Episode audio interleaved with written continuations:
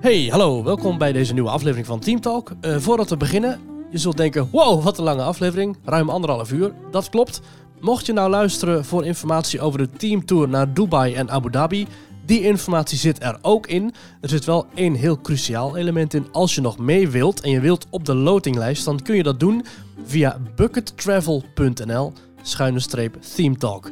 Daarop kun je je gegevens invullen en dan kom je op de lotinglijst. Er is ontzettend veel animo over deze reis.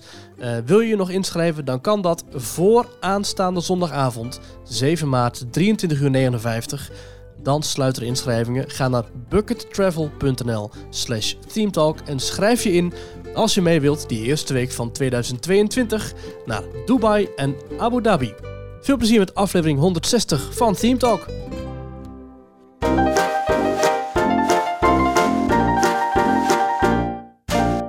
Aflevering 160 van Theme Talk van donderdag 4 maart 2020.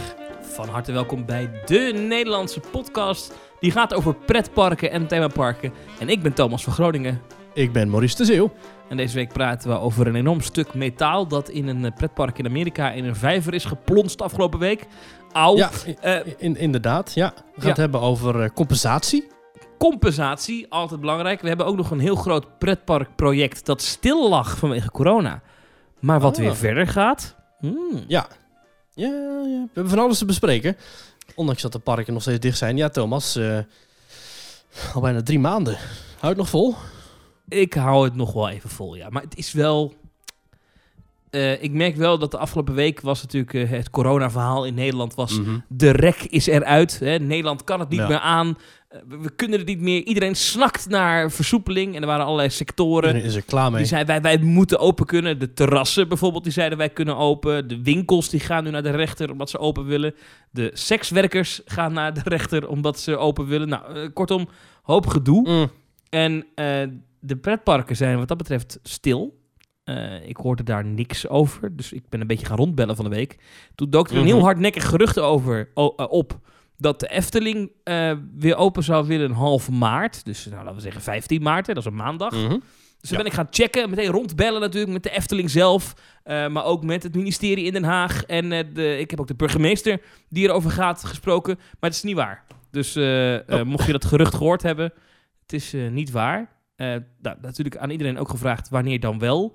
De Efteling zelf zegt daarover dat ze het eigenlijk niet zo goed weten op dit moment. Dat ze gewoon afwachten wat er in de persconferenties gezegd wordt. Dus ze gaan niet vooruitlopen op een eventuele openingsdatum. De ja. burgemeester die erover gaat, dat is burgemeester Weterings van Tilburg. En uh, die sprak mm -hmm. ik afgelopen maandag, uh, was die in Utrecht met alle andere burgemeesters aan het praten over onder andere de avondklokken, dat soort dingen. En toen heb ik hem gevraagd van, nou ja, wat, wat denkt u dan? En toen zei hij, nou ja, half maart is niet de termijn waar ik aan zit te denken om de Efteling te heropenen. Toen zei ik, nou ja, wat dan wel? Hè? Maar mm -hmm. ja, deze maand sowieso niet meer. Dus uh, april zal het dan waarschijnlijk worden. Ja. Of misschien nog wel later, maar... nou. maar ik, ik, kreeg even hoop. Ja, misschien wel weer een klassieke seizoensopening in april. Ja, ik, ik, kreeg toch even hoop. Ja. Ik dacht even, waar het gerucht vandaan kwam, is iemand die appte mij, die bij de Efteling mm -hmm. werkt, en die zei, allerlei personeelsleden worden gevraagd om extra te werken, of ze in ieder geval beschikbaar zijn in die week. Ja, en toen dacht ik, oh, dan is er misschien, hè, gaan ze open, want dan heb je natuurlijk personeel voor nodig. Ja. Um, maar ik, weet, ik, ik, probeer nog te achterhalen wat er dan wel was waarom ze al die mensen nodig hebben in die week. Nou, misschien iets van onderhoud of, of hè, die attracties staan ook regelmatig aan. Vanmiddag kreeg ik uh, een berichtje van iemand die een rondje aan het rijden was rond de Efteling. En dan was te horen dat de Vliegende Hollander uh, aanstond. Dus, dus er gebeurt ja. natuurlijk van alles. Dat gaat gewoon door, hè? ja, dat gaat gewoon door. Maar ja, ik kreeg snap ik hoop. ook wel, want volgens mij is het beter voor een achtbaan om elke maand even een rondje te rijden... dan om uh, een half jaar stil te staan. De auto is net zo, toch, geloof ik? Ja, ja. Volgens mij is het ook zo dat er zijn ook achtbanen. Uh, ik weet in ieder geval dat het bij de meeste BNM's zo is, zoals Phoenix in Toverland. En dat als die -hmm. zeg maar, geparkeerd staan in de remise, dan staan ze uh, op, op zeg maar, wachtwielen, noem ik ze maar even. Ja, op andere niet, wieltjes, hè? Ja, niet op hun normale wielen, zodat die, op, op die coating niet, niet inzakt en dat je geen vierkante ja. wielen krijgt. Daar hadden ze ook inderdaad filmpjes van gemaakt, dat je zag aparte wieltjes waar die op dan inderdaad rust. Ja, ja ik snap het wel, want zo'n zo'n ja, wat zou zo'n trein wel niet wegen? Tonnen. -hmm. Dus ja, dat, dat, als je dat ongebruikt laat staan, dan zakt het helemaal door. En dan krijg je van die NS-tafereelen, moet je ook niet hebben. Toek, toek, toek, toek, toek, Ja, ja dat, precies. Dat, dat, gaat niet. Nou, Eh, ja. Maar dat, dat heeft niet iedere achtbaan. Ik, ik weet bijvoorbeeld dat eh, de, de Vekoma achtbaan en de Efteling, de Python en eh, Vogelrok hebben dat volgens mij niet. Ik denk dat houten achtbanen het ook niet hebben, want die rijden volgens mij op ijzeren wielen. Ja, ja, zonder coating, denk ik. ja, dat weet ik eigenlijk niet. Ik denk dat hij, zo ziet het er niet uit in ieder geval, nee. Ik vind het meer een vraagje voor eh Theme Park Science. Dan moeten Ja. ze maar eventjes... eh dan moet Jurnan... Die wel iets weten. Ja, precies. Ja. Wij, wij becommentariëren alleen, wij weten niks. Eh Precies. Maries. Zoals een, een, een, een oudere uitspraak die ik ooit heb gelezen luidt... Recensenten recenseren wat ze zelf niet presenteren. En dat vind ik toch altijd een prachtige uitspraak. Prachtig, inderdaad. Weet Zeker. je wat ook prachtig is? Eh, dat is Nou? een zin die ik minstens 160 keer al uitgesproken heb. Mhm. Maries, wat is jou deze week opgevallen in pretparkland? We moeten met onze opgevallen zaken natuurlijk steeds vaker de grens over. Mhm. Aangezien het feest daar wel doorgaat. Namelijk in de Walt Disney World. Waar ligt Het dat? grote pretparkresort van Walt Disney in Orlando. Met vier themaparken, twee waterparken, twee uitgaanscentra, meer dan twintig hotels. Waar we niet heen mogen. Eh, en Thomas, daar hebben ze natuurlijk parkplattegronden. En elk park heeft eigenlijk een eigen plattegrond. Dus Animal Kingdom, Magic Kingdom, Epcot en Hollywood Studios. En er zijn dus sinds eh, dit voorjaar, sinds een paar weken... en sommige zelfs eh, sinds echt deze week... Ja. hebben ze nieuwe parkplattegronden. En Disney gaat sinds... Ja, we merken de laatste tijd dat Disney echt de inclusieve tour opgaat. Ze hebben volgens mij zelfs iemand in dienst... die alleen maar bezig is met het verhogen van de inclusiviteitswaarde van Disney.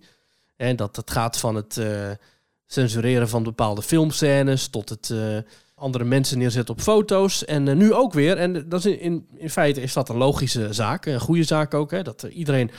Pretparken zijn voor iedereen. Ehm, en nu staat op de voorkant van de reguliere park maps van Epcot... zie iemand staan met een drankje. En daarnaast zit iemand in een rolstoel. En die heeft ook een drankje. Nou, en dat zijn dus eh, gezellige mensen die allebei lekker aan het genieten zijn van het Flower and Garden Festival. Waarvan eentje in een rolstoel zit. Nou, en dan dacht ik, nou, wat leuk. Wat, wat, wat, in, wat inclusief. Toen kwam er een folder voorbij van Disney's Hollywood Studios.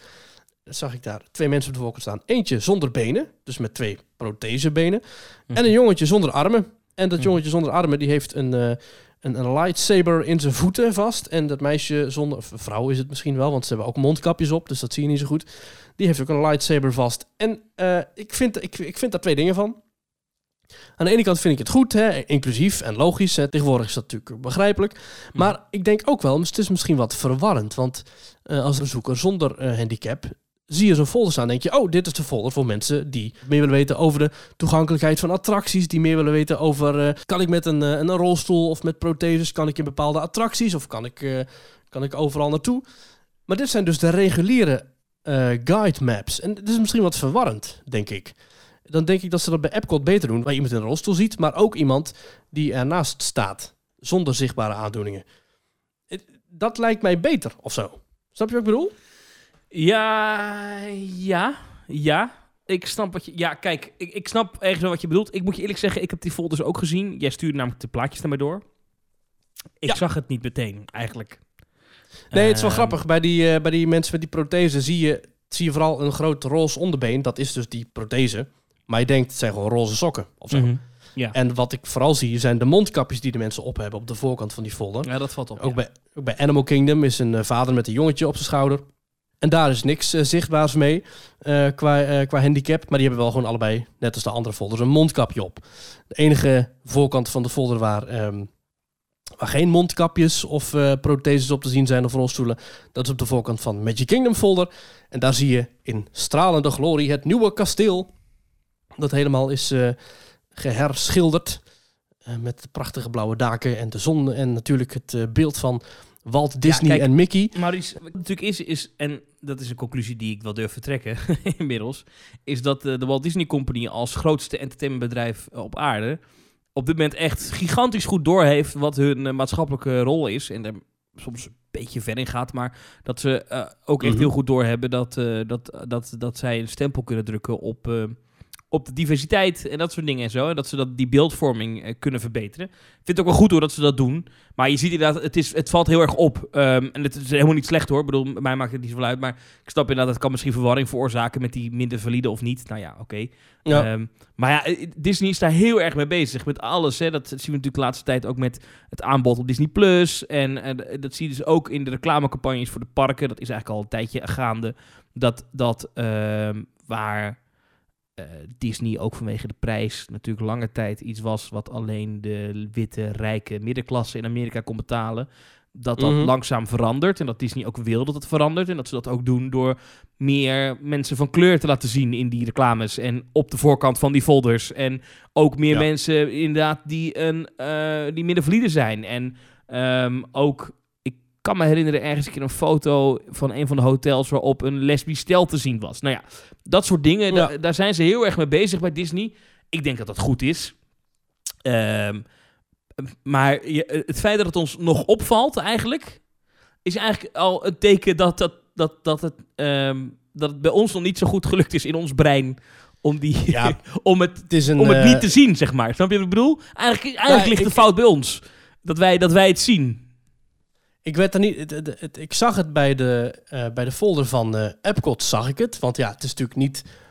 Ja. Een rolstoel, eh, die kun je natuurlijk niet echt makkelijk niet zien. Ja. Ehm, maar ik moet zeggen, bij de protheses viel het me in eerste instantie niet op dat daar een jochie zat. Met de saber, hoe heet dat ding, lightsaber in zijn voeten. Omdat hij zelf geen arm heeft. En dat Ja. die vrouw daarnaast, dat die geen onderbenen had. Ja. Dat zag ik serieus niet. Ik dacht, oh ja, natuurlijk lightsabers, want Star Wars. Dat was het. Ja. Maar ik heb zelf, eh, we hebben het vorige week of twee weken geleden over eh, rolstoelen en pretparken gehad. Hè, jij hebt in een rolstoel gezeten toen je in, eh, in, in Californië was. Hè? Ja. En ik heb in een rolstoel gezeten toen ik in, in Tokyo Disney Sea was. Dat was allebei omdat we op dat moment hadden we gewoon klachten aan onze voeten. Ik weet niet wat jij precies had, maar Jicht we konden gewoon... ik. Ja, jicht. oude mannenziekte. Jicht. Ja, Gat, nou, ik had, ik, Ja. had, ik had echt blaren. Ik kon gewoon niet lopen. Dus ik had, ik had eh, die rolstoel had ik ook echt nodig.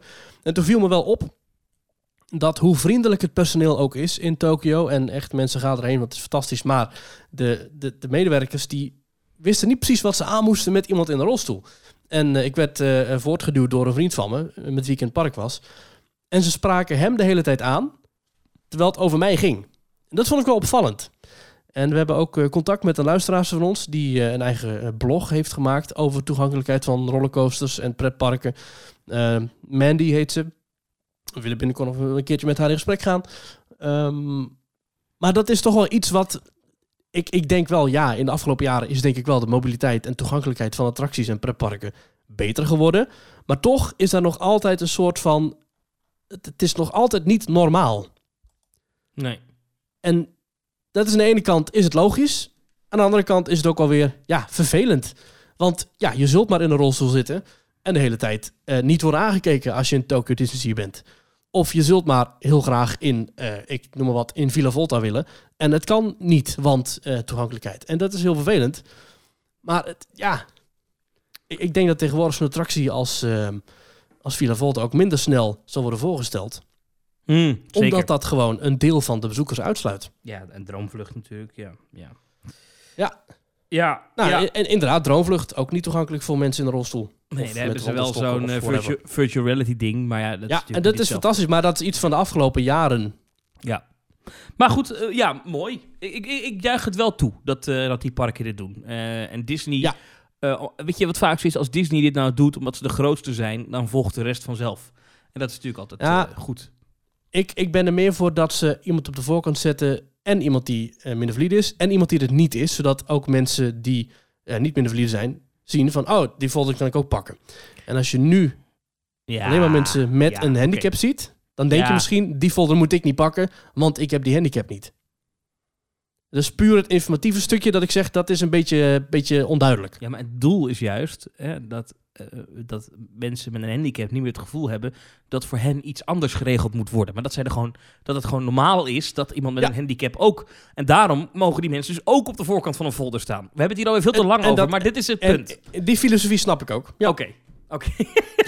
nou, daar ben ik blij mee dat je dat. eh, ja. Maar het is een. eh, ja, serieus. In, in- volgens mij in Nederland, de Efteling is er ook best wel mee bezig. met dat soort dingen. Ook met het meisje wat in die reclamecampagne zat laatst. Dat is ook een meisje van kleur en zo. Dus het is allemaal heel goed. Goed Ja. bezig. Overigens Ehm, heeft iedereen een ja. mondkapje op, dus op de voorkant. En dat is nog wel waar de meeste mensen het over hebben. Ja, want bij Disney is het wel degelijk zo dat. eh, in ieder geval in Walt Disney World nog. eh, Disneyland weten we niet, want het is nog niet open. Eh, Ja. Maar in Walt Disney World moet je overal een mondkapje op. Ook buiten op de paden. Alleen als je En zit ook- en eet. En ook als je een kind bent. Ja, en ehm, dat, dat, dat is eh, wel een ding.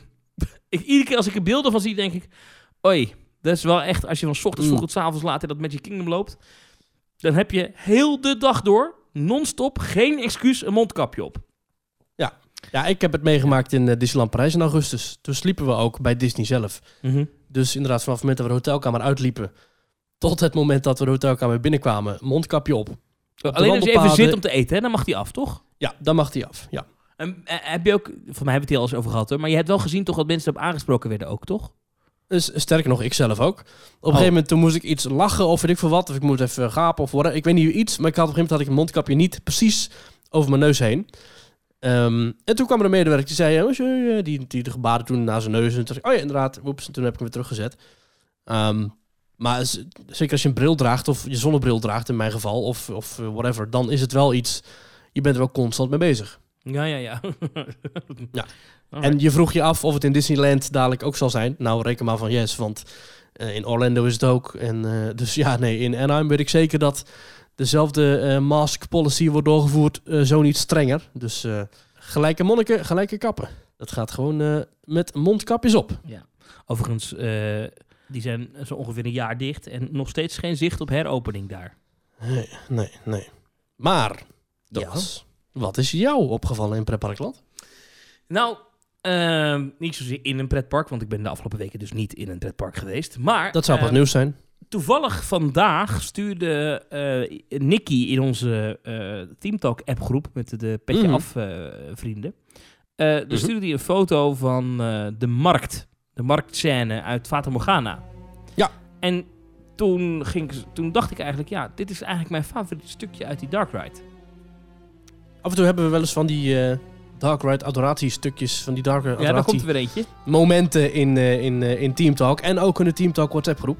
En toen kwam ik eigenlijk tot de conclusie dat, ehm, wat mij betreft, het beste stukje van Fata Morgana is vanaf het begin tot aan de krokodillengang. Tunnel, gang, grot, hoe noem je dat? Eh, dat vind ik eh, tot. eh, en de rest is ook nog goed hoor. Dus er zit helemaal niet dat de rest slecht is. Maar voor Mhm. mij is dat. Terwijl het helemaal niet de meest indrukwekkende stukken zijn. Is dat eigenlijk. de rust die daar hangt. De, de marktscène is, is echt perfect. En dat kleine S-bochtje wat je daar maakt. Ehm, Mhm. Dus dat was mijn punt. Dat is mij opgevallen dat ik dat, tot die conclusie kwam in mijn hoofd. Of misschien word ik gewoon hallucinant. Dat ik al zo lang niet meer in Fata Morgana heb gezeten.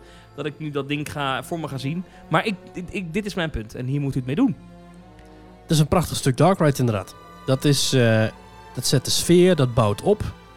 Dat, dat eh, houdt het spannend, maar het is, het is ja, dat klopt wel ja. Afgelopen aflevering, de, die duivelse dilemma's, hebben we ook eh, allebei verklaard dat we Fata Morgana ook beter vinden dan bijvoorbeeld Droomvlucht. Ja. Ik denk ook dat dat komt omdat Fata Morgana, in tegenstelling tot Droomvlucht, is één doorlopend geheel. Terwijl Droomvlucht zijn echt vijf losse scènes, van elkaar gescheiden door een zwarte gang. Ja. Terwijl Fata Morgana, dat bouwt logisch op. Begint rustig in een jungle, dan komt de tovenaar die voor jou letterlijk de poort opent. Dan kom je eerst eh, terecht in een rustige, een nachtelijke armenwijk. Waar dus een hondje blaft, waar een deur dicht wordt geklapt. Dat, dat, die sfeer is fantastisch. Ja, dat klopt. Ja. Ik ben het wel met je eens dat het... Ja, ik vind ook de, de troonzaalscène meesterlijk met al die eh, figuren. Ja, nee, ja, Fata Morgana blijft een, eh, een toppetje. En ik mis hem. ja, maar kijk, die troonzaal. Ja. Want dat, dat is, ik denk als je de meeste mensen vraagt achteraf. eh, of, of gewoon nu. Wat vind je de mooiste scène? Dan denk ik dat veel mensen die troonzaal kiezen. Omdat daar zoveel veel poppen zijn en heel veel gebeurt. Maar ik, Mhm. ik, ik, oh, ben ik het mee eens. Het is een prachtige scène. En ik zou, eh, eh, nogmaals, uh, toppie Maar ik vind het niet de perfectie en de rust en de, de sfeer en vibe hebben die dat eerste stuk van die attractie heeft. Snap je wat ik Ja. bedoel? Of zit ik nou echt gekke dingen te zeggen? Nee, ik snap wat je bedoelt, ja. Dat was mijn punt. En toen dacht ik, ja. misschien kunnen we eh, voor meer attracties, meer dark rides, zo'n favoriet moment aanstippen. Waar je zegt, dat is wat mij betreft het mooiste stukje van die dark ride. Nou, bij veel dark rides is dat denk ik voor mij sowieso wel het eerste stuk. Dat je echt helemaal de gewone wereld achter je laat en de dark ride steeds meer op je in laat werken. Hè? Pirates of the Caribbean, toch een van mijn favoriete Mhm, dark rides ter wereld. Hè? Als we het hebben over die van Parijs bijvoorbeeld. mhm. Daar ga je gewoon de eerste twee minuten, dobber je gewoon langzaam in je eentje, zo voelt het, door een, een enorm uitgestrekte jungle lijkt het wel. Met in de verte wat vuurvliegjes die eh, op en neer dwarrelen. Met een, eh, met een, met een gezonken schip, eh, met natuurlijk het restaurant aan de linkerkant. Maar met zo'n prachtige opbouw. Ja, maar ik, vind, ik wou dus mijn punt maken dat bij Pirates of the Caribbean in Parijs... ik het meest indrukwekkende stuk vind, is het moment na het, het, het, het vuurgevecht. hè. Dus je hebt het drop gehad, dan krijg je het vuurgevecht met dat schip... Hè, wat dan eh, kogels op je afschiet en dat water plonst. En dan maak je die eerste bocht... En dan heb je die man die uit die, eh, uit die put getrokken wordt en dit raampje wat Ja. open gaat. En Dat is de burgemeester hè, van het dorpje. die 20 seconden dat je dan die bocht omgaat en dan iets verder het Mhm. dorp in gaat. Hoewel dat niet perfect afgewerkt is, want je ziet een heel duidelijk het plafond, omdat die hal net iets te groot is, maar dat maakt niet uit. Vind ik dat het mooiste stukje. Vind ik het meest. Want dat, dat is super indrukwekkend. Want je komt net uit die serene rust, inderdaad, die je beschrijft. Van die opbouw en die lift hill. En, en dan ineens zit je er middenin.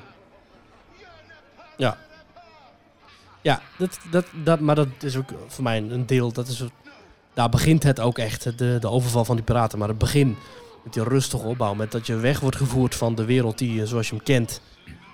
Waar in, in, een tijd, in een tijdsbestek waar normale dark rides... Normale dark rides zijn er vijf minuten afgelopen. Dan begint het pas. Ja, echt bizar. Dat is echt bizar. En bij Phantom Manor Mhm. eh, vind ik een lastige, want dat is een aaneen- een inschakeling van, van fantastische scènes. Maar ik denk dat ik... En ik besef nu dat ik... Ik kom zo met een conclusie van al die dingen die ik vind. Maar Ja. bij Phantom Manor vind ik het beste stukje... Eigenlijk ook weer het eerste stukje met die gang die, waar je doorheen gaat. En- Ja, ik wil zeggen, want ik vind het moment dat je in de foyer staat, dat, je de, dat de deuren openklappen en dat die Franse medewerker jou naar binnen haalt. Met een norse blik, wat hier past. Dat, Mhm. is, dat is wat mij betreft ook al zeker een onderdeel van de Dark Ride. Ook, Ja, al, zit je dan nog niet, maar, ook al zit je dan nog niet in een, in een doombuggy, maar dat past zeker bij de, maar de rit bedoel bij ik. de even. beleving. Oh, oké. Ik dacht dat je de gang bedoelde met de portretten aan weerszijden. En dat je dan aan het eind de Melanie ziet. En waar je dan rechts afslaat. Richting dat je instapt. Je bedoelt echt die gang met die kloppende deuren. Die- Met die kloppende deuren en op een gegeven moment kom je dan aan de rechterkant, is dan die piano. Ja. Dat, dat stukje, wat eigenlijk het simpelste stukje van de attractie is, want het is echt heel simpel. Eh, Ik vond het vroeger doodeng. maar ja, dat vind ik eigenlijk het beste stukje of zo. Ik dacht daar altijd, er zit, daar, daar, staat misschien wel een medewerker of zo die ons laat schrikken. Ik, Ah. Iedere keer dacht ik van, ah, omdat je achteruit beweegt, Ja, ja, ja. weet je niet wat je, wat, je, wat je kunt verwachten. In, in, Orlando vind ik dat ook het beste stukje. Raar, hè? Dat het helemaal niet het meest indrukwekkende is. Ja, maar er is niks mis met eh, subtiliteit. Nee, precies. Nee, nee dat, dat kleine, dat maakt het, dat maakt het Ja. eh, mooi. Dat, dat, echt, dat, dat is sfeer, het meest sfeervolle. Wat, wat is jouw favoriete stuk in Phantom Manor? Eh, ja, een, totaal, een stuk dat totaal niet subtiel is, maar het is denk ik de balzaal. Ehm, ja, die is dat, dat dat ja. zo groots is en zo zoveel te zien. Eh, daar links die organist met die, eh, die geesten die uit die orgelpijpen komen met die, met die, met die hoofden. Eh, die enorme tafel waar dan in, in, één klap in één keer allemaal gasten aan zitten dan met, en dan in één keer weer niet. Ehm, ja, dat, nee, eh, met voorsprong ehm, de balzaal. Maar ik vind bijvoorbeeld ook alles waarbij ik voor de gek word gehouden, vind ik gaaf. Dus ook die enorm lange gang die oneindig door lijkt te lopen. Mm. Zeker nu met, eh, met de laatste upgrades van Phantom Manor. Dat daar in één keer ook de Phantom zelf in staat in die gang. Maar ook, bijvoorbeeld als je net uit de stretch room komt... dat je wordt losgelaten in die gang richting de, de doombuggies. Dus dat je nog gewoon daar kunt rondlopen. Wat een prachtige gang dat al niet is. Dat, dat dikke tapijt Mm. met die muren links en rechts vol met schilderijen en spiegels en, en brieven die zijn ingelijst. En, tafeltjes met dode planten. En dan die geweldige muziek die daar, eh, die daar ook onder hangt. En dan ook dat schilderij van Melanie in de verte. En als je goed luistert hoor je ook Melanie zingen. Die, die hoor je ook meezingen met dat schilderij. Dat is echt... Laten we even een stukje van die muziek horen om even die sfeer te pakken.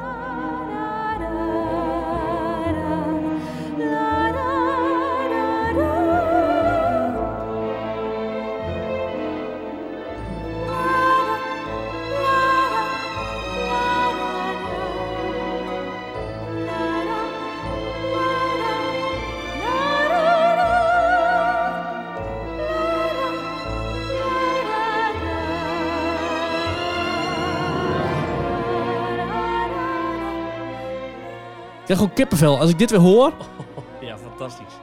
Dat is zo mooi. prachtig. Ja, het, ik, het, het, het Phantom Manor maakte me altijd heel moeilijk met het vaststellen wat ik nou mijn lievelings Dark Ride vind. Want Pirates vind ik ook... Ja, En, Oh. en, en Madame Leota, die wordt, die, die wordt vaak... In Amerika is hij heel populair hè, bij de, de Haunted Mansions daar. Als het gaat over Phantom Manor wordt hij altijd een beetje onderbelicht. Want daar hebben mensen niet echt over die scène. Maar die is ook heel goed, hè? Ja, vind ik inderdaad. Maar ik vind dat wel misschien net iets voor wat het maar is. Het is maar één bol met een projectie erop. En daar ben je wel eh, een halve minuut omheen aan het draaien. Terwijl er ook scènes zijn waar ik veel liever veel langer in zou willen zijn. Mm, Oké. Die dan, waar ik dan weer tekort zit, snap je? Dus je, Ja. bent, je bent helemaal rond die bol aan het gaan. Je hebt daar alle tijd, krijg je daarvoor. Hè, je hoort bijna haar volledige spiel, hoor je eigenlijk. En dan vervolgens sla je die bocht om en dan heb je 10 seconden om die balzaal te bekijken. En dan, snap je? Dus Ja, ik had liever andersom ja. gehad. En wa- waar natuurlijk in Orlando begrijp je wat ze zegt, hè? Dat ze dus die geesten oproept. Ja. Ehm, eh, dat, doordat je dat begrijpt, is het ook makkelijker om je te focussen op die, op die ene bol, want die begrijpt wat ze zegt. Maar in Ja, Parijs, plus hij ja, zweeft daar ook. ja, dat is in Parijs niet, hè? Nee, daar ligt hij op tafel. Nee. Nee, ja, ja. Die tafel die doet wel wel zweven, soort van. ja, die tafel die wiebelt een beetje. Maar Wiebelt. de, de, de- ja, maar de bol zelf, die, eh, die zweeft niet. Zullen we er nog één doen? Nog Wauw. één Dark Ride? Gewoon voor de lol? We zijn Ja. echt al 20 minuten bezig. Ja, Maar goed, ja. De podcast. Pet Park is Nou, ik, ik, ik heb een leuke dark ride waar we het zo meteen over kunnen hebben. Oké. Eh, beste scène in Symbolica. Go. Ja, hier zijn we het eens. Weet ik nou al. Observatorium, Ja, oké. ja. ja. eerste ruimte. Ja. Fantastisch. Ik besefte trouwens onlangs dat we al bijna een jaar niet die voorshow hebben gezien hè, met Pardoes en met Punctueel. Want sinds eh, corona is die trap gewoon geopend en kun je er gewoon doorheen lopen. Wacht even. Was dat in het allerbegin toen de Efteling net heropend was? Niet wel? Ik kan me herinneren dat ze daar toen al die spatschermen hadden geïnstalleerd in dat ding. Ja, maar die trap stond volgens mij toen ook al open, maar dat weet ik Hmm. eigenlijk niet zeker. Ja. Hm. Ja, maar Ga je even naar de teamtalk.nl slash reageren als je dit weet. Ja. Ik, ik had het idee dat op het moment dat de Efteling heropende, dat de trap al open was. En dat je dus niet meer die voorshow had, waardoor mensen niet op elkaar stonden. Hoe is dat nu in, in Orlando bij, bij Haunted Mansion? Want daar was in het begin ook dat de stretch room gewoon buiten gebruik was. Dat je er doorheen moest Ja. lopen. Dat weet ik ook niet. Dat weet ik ook niet. Als Jij bent een beetje de Orlando reporter wat mij betreft. Als iemand daar geweest is, teamtalk.nl slash reageren. Maar Ja, en ook eh, ggd.nl slash quarantaine. Ja. En eh, wat is Ja. daar voor je neus.nl? Ja. Eh, ja. jongen, jongen, jongen. Maar, eh, nou, nog even één andere Dark Ride. Gewoon om het, om het even af te maken. Ehm, eh, no- noem er eens één. Nou, ik, ik ga er eentje noemen. daar maken veel mensen jaloers mee. Maar Sinbad Storybook Voyage. ja, daar ben ik niet in Ehm, geweest. Nee, dat klopt. Maar Maar goed, dat door. einde, aan het einde dan kom je weer terug met Sinbad in zijn dorp waar hij vandaan komt. Waar alle mensen hem staan te onthalen. En op dat moment dan zie je vuurwerk in de lucht. En dan hoor je een koorpartij die fantastische muziek zingen. Mhm. Dames en heren, zoek het op. Sinbad Storybook Voyage op YouTube. Die muziek is geweldig. Alan Menken, de, de componist, god. Die, dat fantastische man. die, die prachtige muziek heeft geschreven voor deze attractie. Die, die tot aan je sterfbed in je hoofd blijft zitten. Die muziek is fantastisch met geweldige teksten. Ehm, Follow the compass of your heart. Nou, die muziek, die weeft heel die attractie samen. En ja, de decors zijn misschien wat knullig. Maar hoe vloeiend die poppen bewegen en dat thema van die attractie, dat is zo fenomenaal uitgewerkt. En op het moment dat je zeg maar dus die hoek omslaat en dus het enorme dorp weer ziet waar iedereen jou en Sinbad staat te onthalen, dat is wel zo overweldigend en, en groots en, en, en theatraal en fantastisch. Dat is echt een geweldige scène. Die wordt niet vaak genoemd, want niet veel mensen hebben helaas nog de kans gehad om naar Japan te gaan, naar Tokyo Disney. Maar die, die attractie en vooral die scène, dat einde, die finale, dat is nou echt wat je zegt, een, een finale finale. Dat is zo fantastisch. Oeh. Ja, Ja. ja ik, ik hoor het je zeggen. Ja, Ja. Ja. Ik moet er een keer heen, begrijp ik. ja, zeker, zeker. Nou, wellicht Thomas een volgende teamtour richting eh, Japan. Ja, ja dat is een goed Ja. idee. En, en, en jouw hoogtepunt dan, qua dark rides? Qua scènes? Ja, ehm, ik heb er wel meer. Ik vind nog steeds... eh, Ja, ik in- heb er ook meer. In Navi River Journey Eh, Ja. Het moment dat je de shamaan echt ziet, hè, de- die, die pop, die hangale. Ik zal Oh, mooi. Niet het hele stuk zingen, maar... Ma ewa, ma... Ja, die, dat is die ene animatronic. Fantastisch. Dat, Dat je is ook weet- een beetje de attractie. Ja, je weet niet wat je ziet. Ehm, ik vind de Zippity Doodah scène in Splash Oh, Mountain... eh, mag zeker niet te onderschat worden. Is eh, jammer dat het gaat verdwijnen. Ehm, maar erg gaaf. Nou, dat weet je niet, hè? Ik bedoel, dat is, dat is gewoon een... eh, dat is gewoon een, een boot, zo'n riverboat, die daar ook gewoon in de film vaart. Mhm. En met allemaal zingende dieren. Dus het zou me niet verbazen als ze misschien wat kippen vervangen door, door wat moerasdieren. En dat blijft volgens mij gewoon dezelfde scène, hoor.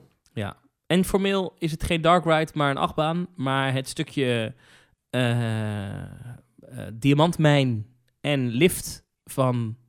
en jij, Ja. gaat, jij, jij hoort, voelt hem aankomen. Seven Ja. Dwarfs Mine Train. Zeker. Eh, die hele, nou wat zal het zijn, 45 seconden, minuut, dat je daar binnen bent. Ja, dat is, je kijkt je ogen uit. Dat is zo, zo gaaf. Mhm. Ja. Ik vind, ik vind de projecties daar wel een beetje eh, te veel aanwezig of zo. Ik hou niet van geprojecteerde gezichten. Eh, nee, oké. Dat zijn van mensen die, die niet weten waar ik het over heb. Dat zijn zeg maar...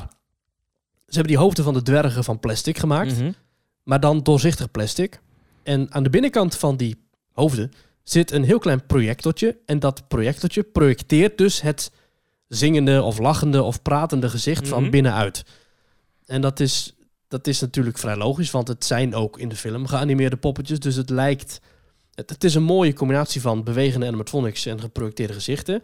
Maar ik vind het net iets te veel afdoen van het charmante van een echt pratende animatronic. Ik heb veel liever dat die animatronic een daadwerkelijk bewegende, een open en dichtgaande mond heeft, dan dat er een zwart gat wordt geprojecteerd dat open en dicht gaat en zodoende een mond moet voorstellen. Ja. De enige attractie waar ik het wel gedoog, dat is in eh, Frozen Ever After. En die attractie draait ook om de eh, figuren uit Frozen. En die zijn zo ontzettend soepel Mhm.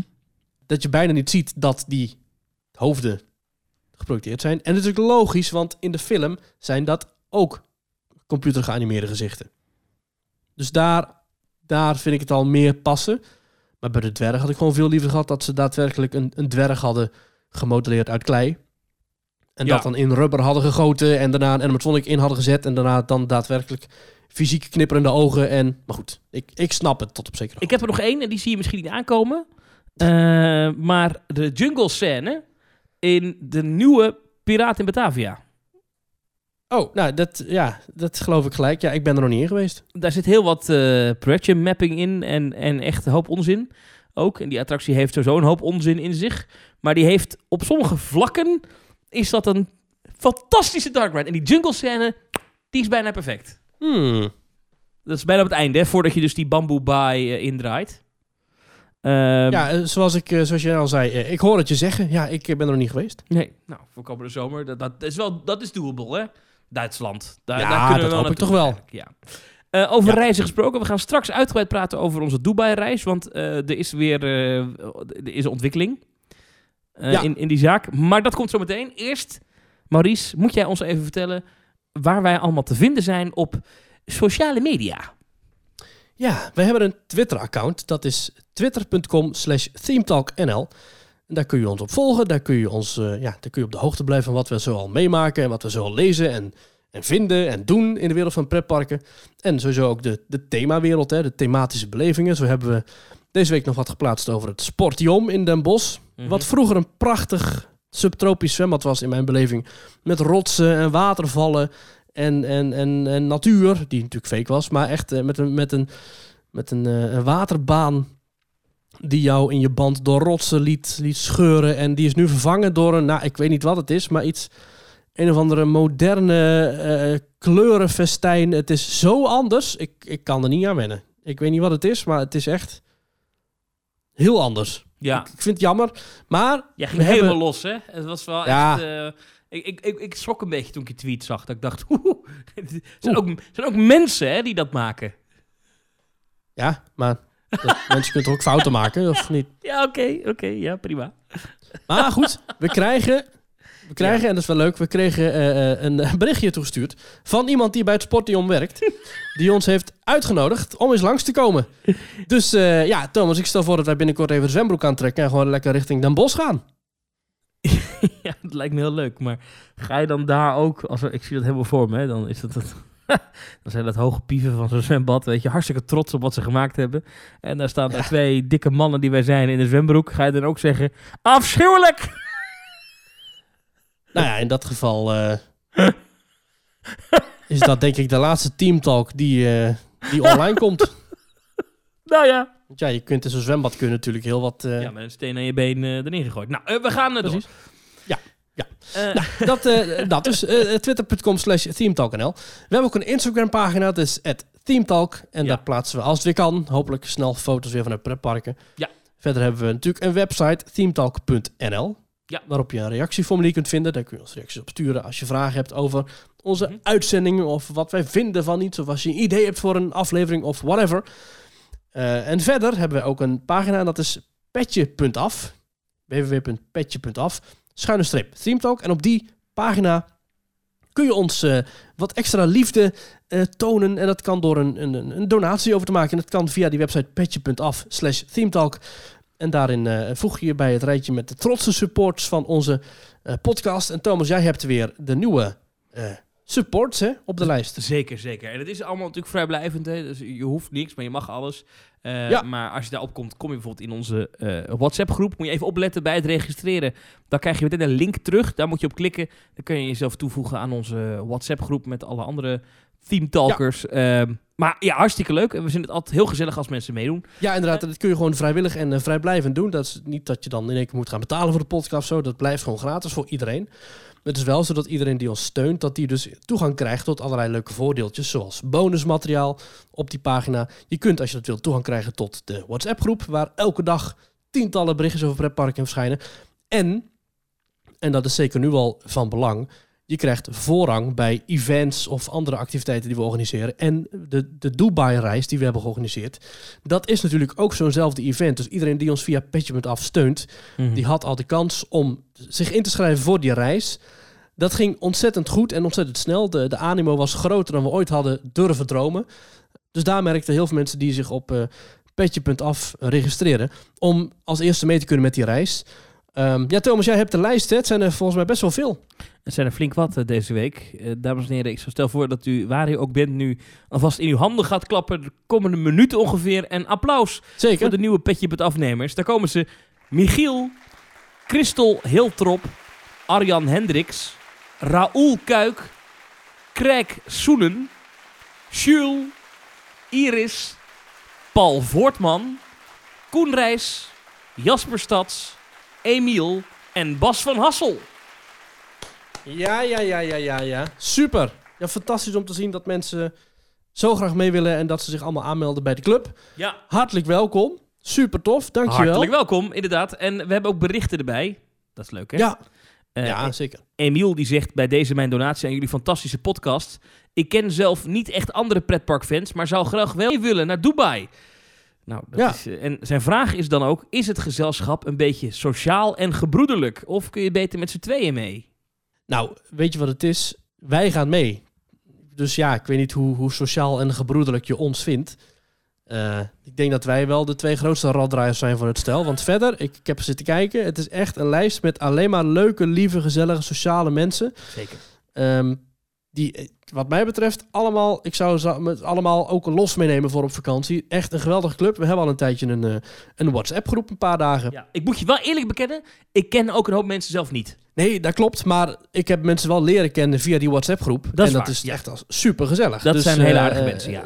Ja, het, het, is zo, Thomas. We hebben dus die reis geboekt via Rick van Bucketlist Travel. En die heeft dus een paar weken terug heeft hij dat, eh, heeft hij dat allemaal opgevraagd bij al die luchtvaartmaatschappijen. Hij heeft dus ook vliegtuigstoelen gereserveerd. En we dachten, nou weet je wat, we gaan gewoon daar in Dubai en Abu Dhabi gaan we een bus regelen. De Team Touring Car. En eh dan gaan Thomas en ik gaan dan gezellig voorin staan. En dan gaan we een beetje eh, schoolreisleiderachtig spelen, weet je wel. Oh, echt? Moet Nou. ik ook echt dingen doen? Ja, je moet ook dingen doen, Thomas. Ja, Nee, dat komt helemaal voor je goed. Nee, fans, hè? Alles voor de fans. Maar nu is dus het punt, de animo is zo ontzettend groot... dat we gelukkig eh, konden opschalen naar twee Team Touring Cars. Als we dadelijk in Dubai zijn. Dat is natuurlijk wel de max, want we willen natuurlijk niet meer bussen laten rijden. Want dan hebben we natuurlijk Team Thomas en Team Maurice. En samen zijn we Team, team Talk. Eh, Oh. Dus die twee bussen, dat Ja. is het. Nou, die animo was ontzettend groot. Mhm. Eh, Rick is dag en nacht bezig geweest met alle eh, reserveringen inboeken. Ehm, nou, we kunnen wel zeggen dat er een, een belachelijk groot succes was. Want binnen een week Ja. is de reis helemaal volgeboekt en uitverkocht. Ausverkauft. Maar- ja, mooi. Ja. Ja. maar, maar, maar, voor iedereen die Teamtalk luistert en alsnog mee wil, daar is nog wel een kans op. We kunnen niks garanderen, maar we hebben wel een lotinglijst. Dus als je interesse hebt in de teamtour naar Dubai en Abu Dhabi, januari 2022, we vertrekken op nieuwjaarsdag in de avond en we komen op 2 januari 's ochtends aan in Dubai. Wil jij daar nou bij zijn met jezelf of met je partner? Ga dan naar buckettravel.nl, schuine streep themetalk en vul daar je gegevens in. Laat daar weten dat je mee wilt, want ik, ik weet het niet of het gaat gebeuren, maar wellicht als er mensen afvallen of whatever, of, of eh, de bus krijgt in één keer een eh, zijspan, eh, geen idee, dan is het goed om te weten dat jij mee zou willen. En doe dat dan ook voor zondagavond aanstaande middernacht. Dus zondagavond 23 uur 59, 7 maart sluiten we de inschrijvingen voor de lotinglijst. Eh, Rick zal het allemaal in zijn reissystemen verwerken. Ehm, dus dat is allemaal dan geregeld. Dus ga dan naar buckettravel.nl schuine streep themetalk. Laat weten dat je interesse hebt. En misschien kunnen we jou dan de komende dagen slash weken nog verblijden met goed nieuws. We kunnen niks garanderen, want zoals gezegd, de petje.afnemers hebben nu eenmaal bij dit soort zaken voorrang. Die hebben massaal geboekt en die aanloop was ontzettend fantastisch. Daar zijn we heel blij mee. Ehm, Moet ik je eerlijk bekennen, had ik niet verwacht vooraf. Daar ben ik heel eerlijk in. Ik, ik, ik, ik dacht wel dat we wel genoeg mensen zouden krijgen om, om het te kunnen doen. Hè? Dus dat er wel, Ja. daar had ik wel. Dus een bus, dacht ik, nou, dat gaat wel lukken. ja, je kunt, je kunt er niet met z'n vijven naartoe, dan is het, eh, dat lukt niet, inderdaad. Eh, maar dat, er zo, dat we echt een tweede bus nodig zouden hebben, dat, Ja. dat eh, vind ik heel bijzonder. Maar om even terug te komen op de vraag van Emiel, want daar waren we. Kijk, Oh, Emiel, je kan best in je eentje mee. Hè, als je, ik weet niet of het je al gelukt is om je in te schrijven. Ehm, eh, eh, kijk, hoe dat precies gaat lopen, weet ik niet. Maar ehm, eh, er zijn zeker bij zo'n grote groep mensen is er altijd iemand die jij leuk of aardig vindt. En wordt altijd gezellig. En eh, reizen verbroedert ook enorm, dus dat komt eh, vast goed. Zeker. Meer vragen. Jasper Stads die stuurt na bijna 160 afleveringen werd het toch echt eens tijd om mijn petje af te nemen. Iedere week weer fijn om naar te luisteren. Wel een klein verzoek aan Maurice. Ben je klaar voor? Oh. Ja? Zou je Universal iets minder op zijn Hollands willen uitspreken? Universal, zeg jij, volgens hem. Als een soort Ursel de Geer of zo. Ja. Uni- Universal. Ik zeg, ik zeg Universal, maar het moet Universal. Universal Orlando. Universal. Universal. Universal. Ja. Nog één keer? Ja, zoals ik het wel eens noem, Universal. Want met al die upsells heel de tijd. Universal. Hey, je, Ik ga het proberen, eh, Jasper. Ik hoop dat ik het eh, in ieder geval deze aflevering volhoud om het eh, te hebben over Universal Epic Universe. Want daar gaan we het zo meteen nog even over hebben. Ja, maar het is eigenlijk gewoon uit je geld uit je zak klopland. Inderdaad, upsell. Of ja, Universal. Ja. Paul Voortman die stuurt groot fan van jullie podcast. Zodoende werd het hier tijd voor. Leuk om dezelfde hobby te hebben in deze geweldige branche. Ga zo door. PS, ben ik de enige die steeds minder naar mainstream radio luistert en steeds meer naar podcasts? Ik dacht heel even dat hij ging zeggen... PS, ben ik de enige die minder aan Main Street USA muziek luistert. Maar dat is natuurlijk heel raar als je dat zou gaan zeggen. Eh, nou, eh, ik, ik, ik- inderdaad, Paul. ehm, ik herken dat wel. Eh, vroeger luisterde ik vaak radio, hè, s'avonds of overdag. eh, altijd lachen. Ik luister nog wel... Ik luister vaak wel radioprogramma's terug. Vooral als ze een mooie podcast hebben, zoals de Partij voor de Vrijdag. Maar... ehm één op één radio luisteren, dat doe ik niet echt heel vaak. Maar ik, ik heb wel echt, nu ik minder in de auto zit, echt wel het probleem dat ik vaak achterloop met mijn podcasts. Ik moet er gewoon nog drie of vier afleveringen van Afterpark Lounge terugluisteren. En ik ben nu, nu pas, we nemen het op, op op woensdag. Ik ben nu pas bezig met die kleine boodschap van afgelopen maandag. Terwijl ik normaal gesproken luister ik dat in één keer door. Als ik, want ja, maandag zit je weer in de auto, weet je wel. Dus nu allemaal, het wordt lastig. Ik heb dan van die AirPods en dan tijdens schoonmaken, keuken, koken, Eh, dat soort dingen heb ik het opstaan. Werkt als een trein. Ja, Maar ja maar ik, ik, ik, ik kook ook en ik maak ook schoon. Maar denk dan niet genoeg, want eh, het is... eh, iedere keer heb ik weer podcast te veel of tijd tekort. Want het is ook niet echt dat je podcast gaat luisteren tijdens het werk. Of zo. Als, ik het, als ik iets aan het typen ben of zo, dan, dan kan ik niet echt naar podcast luisteren. Want ik vind wel, een podcast is met liefde gemaakt. Dus die moet je ook met zorg beluisteren. En dan vind ik niet dat je dat dan even op de achtergrond moet aanzetten. Dus iedereen die nu Teamt ook op de achtergrond heeft aanstaan... hey, opletten! We zeggen je wel wat inhoudelijks, hè? Het is heel belangrijk dat je alles goed in je opneemt. ja, ja. Maar Thomas, eh, eh, we hebben het dus vaak over eh, belangrijke zaken. Eigenlijk alleen maar. En ik denk dat we vandaag wel een attractie moeten feliciteren. Moeten wij een attractie Namelijk. feliciteren? Wij moeten een attractie feliciteren. En dat is... En ik ga jou een hint geven welke Ja. het is. En dan ben ik benieuwd hoe snel je het door hebt. Ja, Indiana Jones. Ja, ja, ja, ja. De, De- klassieke Dark Ride, mogen we misschien al wel zeggen, is vandaag 4 maart 26 jaar geworden. En dan hebben we het over de klassieke Dark Ride die je kan vinden, die ooit geopend is als eerste in Anaheim, Disneyland. In jouw lievelingspark Disneyland Anaheim. Ja, Naast Jungle Cruise. Ja, die is officieel op 4 maart 1995 geopend. Ja, dat is, Ja. dat is een Indiana Jones Adventure, zo heet de attractie eh, Temple of the Ja. Crystal Skull. Nee, dat is in Tokyo Ja. Disney Sea. Dat is En in Japan. De Ja. eh, verboden, Forbidden Eye is het geloof ik in eh, Anaheim. Ja. Ja. En Forbidden Eye, dan gaat het verhaal gaat erover dat er dus in die tempel een oog is. En daar mag je niet naar kijken, want dan ga je dood. Dat is eigenlijk heel grappig, want jij hebt de ene wel gedaan en de andere niet. En ik heb de andere wel gedaan en de ene niet. Dus wij kunnen samen misschien wel een, een korte ode brengen aan deze fantastische Dark Ride. Want we hebben het nog niet eh, genoeg gehad over Mhm. Dark Rides. Ja, Indiana Jones Adventure. Het is een, een attractie, volledig binnen. Je zit in een jeep, een, een soort stoere auto. Met een, eh, een rittijd van denk ik 5, 6 minuten. En die jeep, dat is een simulator op zich. Dus niet dat je een scherm ziet of zo, maar jouw onderstel en het stuk waar je in zit, dat zit los van elkaar. Dus die jeep die kan de wildste bewegingen maken, terwijl het onderstel met de banden gewoon rustig Ja. een, een stukje rechtdoor rijdt. Enhanced Motion Vehicle. Ja, fantastisch ritssysteem. Eh, je vindt het ook terug eh, bij Dinosaur in eh, Animal Kingdom. Ja. Sterker nog, het parcours, het, het, het, het- het parcours dat je aflegt, is nagenoeg hetzelfde bij Indiana Jones als bij Dinosaur. Maar het thema van Indiana Jones is wel zo fantastisch uitgevoerd. Het is een attractie die is dus ja, gebouwd uiteraard naar de verhalen en de films van Indiana Jones. En je gaat eigenlijk met een jeep op expeditie en je komt eerst in een tempel en daar gaat van alles mis, er brokkelt van alles af. Je gaat een donkere tunnel in, je ziet skeletten die op je afkomen, je rijdt over een wankele brug door een enorme ruïne heen, links en rechts van je vuur of rook als je het over Japan hebt, want in Japan wordt geen vuur binnen gebruikt. Ja, die attractie is zo fantastisch, ik kan er niet over uit. Ja. Ehm, het, het, het, het, ding met deze attractie is, is het ritssysteem is best wild. Is veel, ik moet zeggen, de eerste keer Ja. dat ik hier instapte, schrok ik me echt een hoedje. Eh, want het, echt, het, het, Die riem het is echt een lompe attractie. Je zit er daar met een gordeltje vast in die, eh, in, in, in die jeep.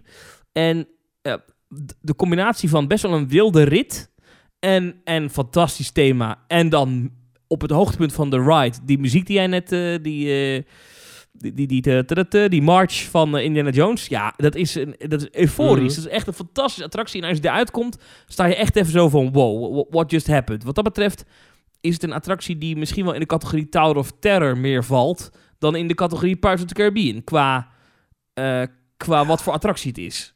Ja, het is echt bizar. En ik, vind, ik, ik heb iedere keer als ik eruit stap, denk ik, wow, ik ben zo gesloopt nu. Ja, Hoe, hoe, kan dit, hoe kan deze auto dat aan? Want als ik in mijn eigen auto is de capriolen uitzwalen, dan zou ik binnen, binnen twee uur bij de garage staan. Maar dat komt natuurlijk omdat dat systeem zo goed werkt. Omdat het bovenstuk los staat van je onderstuk. Want je rijdt zogenaamd een trap af. Dus die auto die trilt helemaal door elkaar heen. Maar dat is puur het bovenstuk. Dus die banden die rijden gewoon rustig een hellinkje af. Ja. Dat is echt geweldig. Er zitten ook heel mooie eh, projectie-effecten in. Dus op een gegeven moment rij je door een tunnel heen. En dan hoor je ook allemaal van die smerige scarabeeën links en rechts van je kruipen en zo. En dan gaat het licht van je auto op de voorkant aan. Je koplampen gaan aan. En die schijnen dus op de muur. En die, da- daardoor zie je dus al die beesten kruipen. Maar die, die koplampen, dat zijn niet je koplampen van je auto. Nee, want daar zitten allerlei projectortjes verstopt in het decor. En die draaien dus precies met jouw auto mee, zodat het lijkt alsof dat eh, het schijnt zoiets voor jouw Ja. eigen koplampen. Maar dat is ja, ook dat zo. is zo goed. Dus in plaats van dat er iets wordt belicht, is het, het wordt, wordt er geprojecteerd dat die beesten daar zitten en dan koplampen. Ja, geweldig. Het probleem van deze attractie is dat als je er nooit in bent geweest, dat het ook moeilijk te begrijpen is Mhm. wat het is. En wij, wij kunnen best goed uitleggen eh, met hè, wat we net doen en een beetje beschrijven, maar dat, dat is het gewoon niet. Dus ik zou zeggen, eh, tik, tik even Indiana Jones Adventure in op YouTube als je vanavond weer achter een computer zit. Dus er is ooit een uitgebreide special over gemaakt. Die zit volgens mij ook nog op Disney Plus, Ja. staat die. Ehm, ga dat even bekijken, want dat, dat zegt zoveel over deze attractie en wat het is. Het is echt een, een bizar ding. En ook Disney was er heel trots op hè, toen het open ging. Eh, George Lucas, eh, de man Ja, achter terecht. Indiana Jones, was ook bij de opening met echt, ik geloof het Arnold Schwarzenegger en weet ik veel allemaal niet, allemaal grote namen die daar toen destijds bij zijn geweest in, in dat moet dan Mhm. in 95 geweest zijn? Ja. 26 jaar, ja, Dat denk ik. 95. Ja, dat was een heel ding. En de, de- die, die tv-special, die staat volgens mij nog op YouTube. Ehm, en de attractie komt ook voor in een aflevering van eh, Modern Family. Dat, eh dat eh, Phil, Phil Oh. en, eh, en Luke heel lang in de rij moeten staan voor deze attractie. Maar dat geldt terzijde. Dus dat is nu te zien op Disney Plus Star. Want dat zit allemaal Ja, op Disney ja. Plus. En wat ik heel cool vind, is dat, dat in, in Anaheim ligt die attractie buiten het park eigenlijk. Ja. Ook buiten de berm. En je, de wachtrij is echt heel sneaky op een heel smal stukje land. En naast de Jungle Cruise eh, ligt die wachtrij. En het is ook hoe dat groen daar helemaal zo verwilderd is. En hoe je dan die, die, die, die tempel zo tussen die, die, die, dat groen ziet. Ja, dat is, dat is fantastische aankleding. Dat zou je in Nederland bijna Ja. niet kunnen doen. Want het klimaat speelt daar ook wel een rol. Ah, is- ik vind het zo'n geweldige attractie. Ehm, ja, echt een gaaf ding. En 26 zeg je, hè? Ja, 26 jaar. Ja. Wat overigens ook wel leuk is, dat die wachtrij, die is ook noodzakelijk. Omdat dat show, die showbuilding is zo groot. Die moest wel buiten de parkgrens worden gebouwd. Mhm. Dus daarom moest die wachtrij, volgens mij is die meer dan een kilometer. Om, maar dat, dat moet ook wel. Omdat ja, dat moet wel. dat, dat is helemaal onder die, onder die boomgrens door, onder die treinrails door. Dus waar ze bijvoorbeeld bij de Haunted Mansion jou onder die treinrails brengen via de lift, hè, de, de stretch room. En je via bij the Caribbean laten ze je boot eronder doorvaren. Maar bij Indiana Jones gaat de wachtrij dus gewoon onderdoor. Over gave effecten trouwens, aan het einde dan is er een enorme bal. Waar je, eh, uit de film zie je die ook terug, of uit, uit de film, dat die enorme bal op Indiana Jones komt afgerold. Nou, dat hebben ze ook in de attractie gedaan. Je auto komt op een gegeven moment stil te staan. Dat kan het systeem dus ook. En je lijkt Mhm. achteruit te rijden. Maar in plaats van dat je achteruit rijdt, gaat die hele tunnel waar je in kijkt, die hele tunnel die staat los, die kan bewegen. Die gaat van jou af. En die bal, die komt op jou af. Dus daardoor lijkt het alsof jij achteruit rijdt en dat die bal alsnog naar je toe rolt. En dat is zo geniaal gedaan. Dat komt Tony Ja. Baxter, een van de hoofdimagineers van Disney. Hij is inmiddels met pensioen. Die stond op een gegeven moment in een wasstraat. En toen heeft hij dat idee van die, van die eh, bewegende tunnel bedacht. Want vanwege veiligheidsredenen kan de auto niet achteruit rijden. Want je kunt niet op een track waar ehm, andere auto's ook op rijden... kun je niet één auto achteruit laten rijden. Dat, dat kan niet of zo technisch. Maar dat hebben ze Nou, zo dit, zit ook in de, dit zit ook in de Imagineering Story, dit verhaal. Ja, ja, fantastisch. ja, ja echt. eh, Dat is een, eh, Imagineering Story is een, eh, is een serie op Disney+. Plus. Als Ja. je dat nog niet gezien hebt, zet dan nu deze podcast af en ga dat kijken. En dan horen we je later wel weer terug. Ja, zeker. Want dat moet je gewoon gezien hebben. En nog een ander effect, en ik weet niet of jij dat weet, Thomas, maar er was ooit een effect en dat is inmiddels weggehaald. Dat had te maken met een instortende tempel. Ja? Er was namelijk een, een systeem dat er bij ieder autootje, dus elke 40, 50 seconden, viel er een stuk tempel naar beneden. Letterlijk een stuk ijs was dat. Dat hadden ze gedaan door een soort eh, snelvriezer, hadden ze achter het scherm staan. Het ijs, dat kwam van bovenaf uit het plafond en dat viel dan Mhm. naar beneden. En iedere keer als jij daar dus reed, dan viel er een nieuw stuk ijs. En dat ijs werd dan dus vliegend vlug weer door een of andere grote opvangbak opgepakt. En het werd daarna weer herbevroren. En daarna weer naar boven getransporteerd. En daarna werd het weer naar beneden gegooid. Dus er vielen daar constant blokken ijs naar beneden. Maar dat was zo'n moeilijk systeem. Dat is volgens mij maar een paar weken of maanden of jaren misschien maar in gebruik geweest. Maar Nou ja, ooit- het, is, het is dus een oog, hè, wat uit dat enorme... Je ziet daar een enorm Ja. hoofd van, van de, de, ja, de bad guy, zullen maar zeggen. Dat is over de, de geest die de tempel... eh nogmaals, ik ken het verhaal niet goed meer, dat moet ik even uitzoeken. Maar, maar die, die schiet uit de ogen allerlei laserstralenachtige dingen. En Ja. dat, dat is eigenlijk op jou af, hè? Want dat is in de grote scène, is dat. En dat op een gegeven moment komt een van die leefstralen komt dus op een hoek. pff, en dan lijkt het en dan vallen er inderdaad ijsklontjes Ja. naar beneden. En het, de, dat, dat, dat geluid-effect van die, dat vallen van die rotsblokken. Ja. Dat, zit, dat, dat hoor je nog wel nog steeds. Alleen de Ah. ijsblokjes zijn op een gegeven moment uitgezet. Omdat het gewoon, ja, iedere keer water bevriezen, laten vallen. Ja, dat gaat natuurlijk in stuk. Ja. Maar het idee is natuurlijk wel briljant. Want het kost, ja, het kost heel veel energie. Maar het kost niks. Het is een beetje water en dat valt gewoon in een bak en dat smelt weer. En dat pomp je weer omhoog. Goed hè? Ja, dat is wel goed bedacht. Ik zat Ja. eh, de laatste Upperlot podcast te luisteren. eh, een Nederlandse podcast over Universal Park en films. En toen hadden ze het over eh, The Mummy, The Ride. En daarin zit een scène, in Orlando in ieder geval, dat ze een bak met scarabeeën door een soort eh, gat gooien. En die wordt dan ook weer via een lopende band of zo weer naar boven getransporteerd. Dat er gewoon letterlijk een bakje met plastic beestjes wordt door een gat gekieperd. Waardoor je dus ook een soort van eh scarabeeën aanval eh, hebt. Mm. Ik dacht, misschien kunnen ze dat nog wel doen. En op het einde, dus je hebt die enorme bal, die, dat heb je dus overleefd, hè, die scène die je net noemde. Dat is een van de finales van de, de Ja. ride. Daarna duik je wel dat gat weer in. Ja, En dan, eh, dan maak je een bocht uit mijn hoofd. En dan zie je Indiana Jones staan voor die bal, die zogenaamd dan stuk is. Ja. En dan is er een... een eh, en dit, dit, dit, dit heb ik even van, eh, van internet opgezocht, want ik ken ze niet uit mijn hoofd hoor. Maar dan is er, er zijn een aantal one-liners die Indiana Jones dan de animatronic tegen jou zegt. En dat zijn er een stuk of zes. Eh, bijvoorbeeld, not bad for tourists. Mhm. Of, now stay out of trouble, would you? Of, there, that wasn't so bad, was it? Next Mhm. time, you're on your own. en ja, Mooi. ja, dat is wel goed. En dat zijn gewoon grapjes.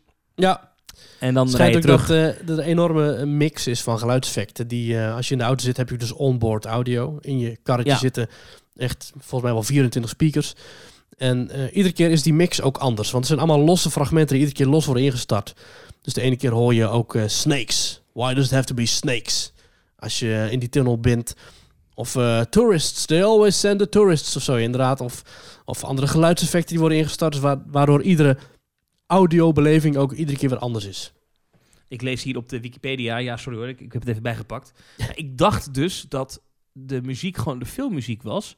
Maar ik lees hier dat eh, de muziek natuurlijk wel gebaseerd is eh, op de melodieën Ja. van John Williams. Hè, die natuurlijk de oorspronkelijke muziek voor de Indiana Jones films heeft gemaakt. Mhm. Eh, maar dat Richard Bellis, ik ken de beste man niet, Oh. maar die heeft eh, de muziek gere- rescored en re-recorded eh, to sync up with the perils of the adventure. Oftewel, die muziek is gewoon ook opnieuw opgenomen. Dat is toch Ja. bizar?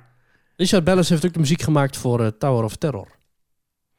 En voor de Moteurs Action Stunt Show. We hebben het in een, in een eerdere aflevering uitgebreid gehad over de wachtrij van de Jungle Cruise.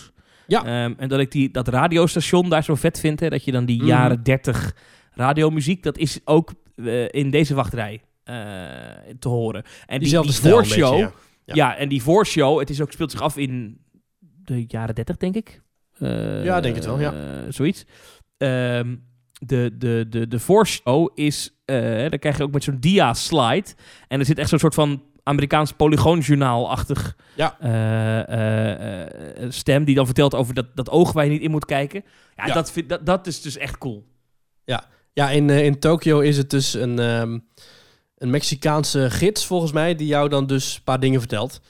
En die sluit ik altijd af met adios. Dus iedere keer als ik, in, eh, als ik dan in die Indiana Jones Dark Ride zat, dan kwam je naar buiten met zo'n adios. Dat is echt eh, heel typisch. Ook leuk trouwens, als je vertrekt, dan zegt hij ook nog iets van... Ah, the brakes need a little bit of check-up. Zoiets. Dan denk je van, nou, dat eh, begint dan goed. Ja, het, eh, parcours is hetzelfde in de beide parken. Maar in die Japanse versie eh, gaat het om een, een, nou ja, een Crystal Skull. En die heeft ook niks te maken met die film eh, van Indiana Jones en de Crystal Skull. Eh van mensen die allebei de versies hebben gedaan, die zeggen dat de variant in, ehm, in Anaheim de beste wachtrij heeft. En de variant in Tokio de beste rit.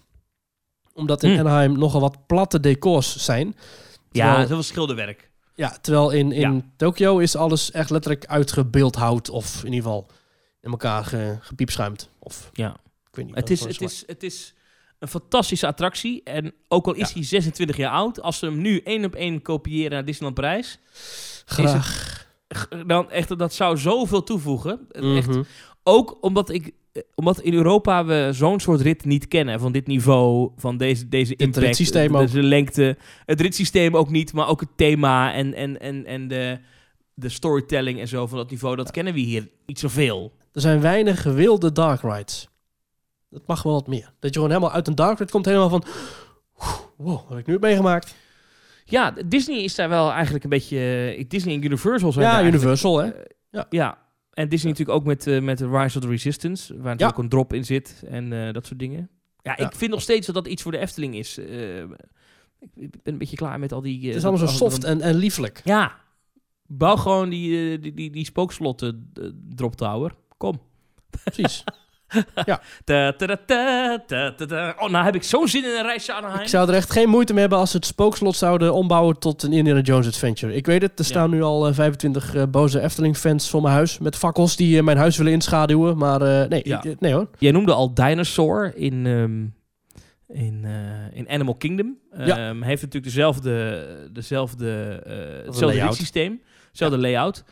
Ja, ik, ik vind dat dus wel een mindere attractie. Ik zou liever Indiana Jones hebben. ik. Maar Ja. ik moet wel zeggen dat ik vind de haat die Dinosaur vaak krijgt, omdat het vergeleken wordt met Indiana Jones, vind ik niet terecht. Ik vind het namelijk nog steeds ook een, een, een, een, een, ja, een, een, een hele gave attractie. Gewoon echt heel goed. En het wordt vaak een beetje Ja. afgezeken. Het punt is daar een beetje, je rijdt natuurlijk door bijna volledig donkere eh, gangen. Mhm. Die enorme bombastische scène die je bij Indiana Jones wel hebt. Namelijk die tempelscène waar je meerdere auto's door elkaar heen ziet rijden. Die is daar niet. Eh, het zijn veel lege netten. Het, het is veel blacklight. Eh, dat vind ik bij Indiana Jones echt vele malen beter. Plus het thema. Niemand kent ook...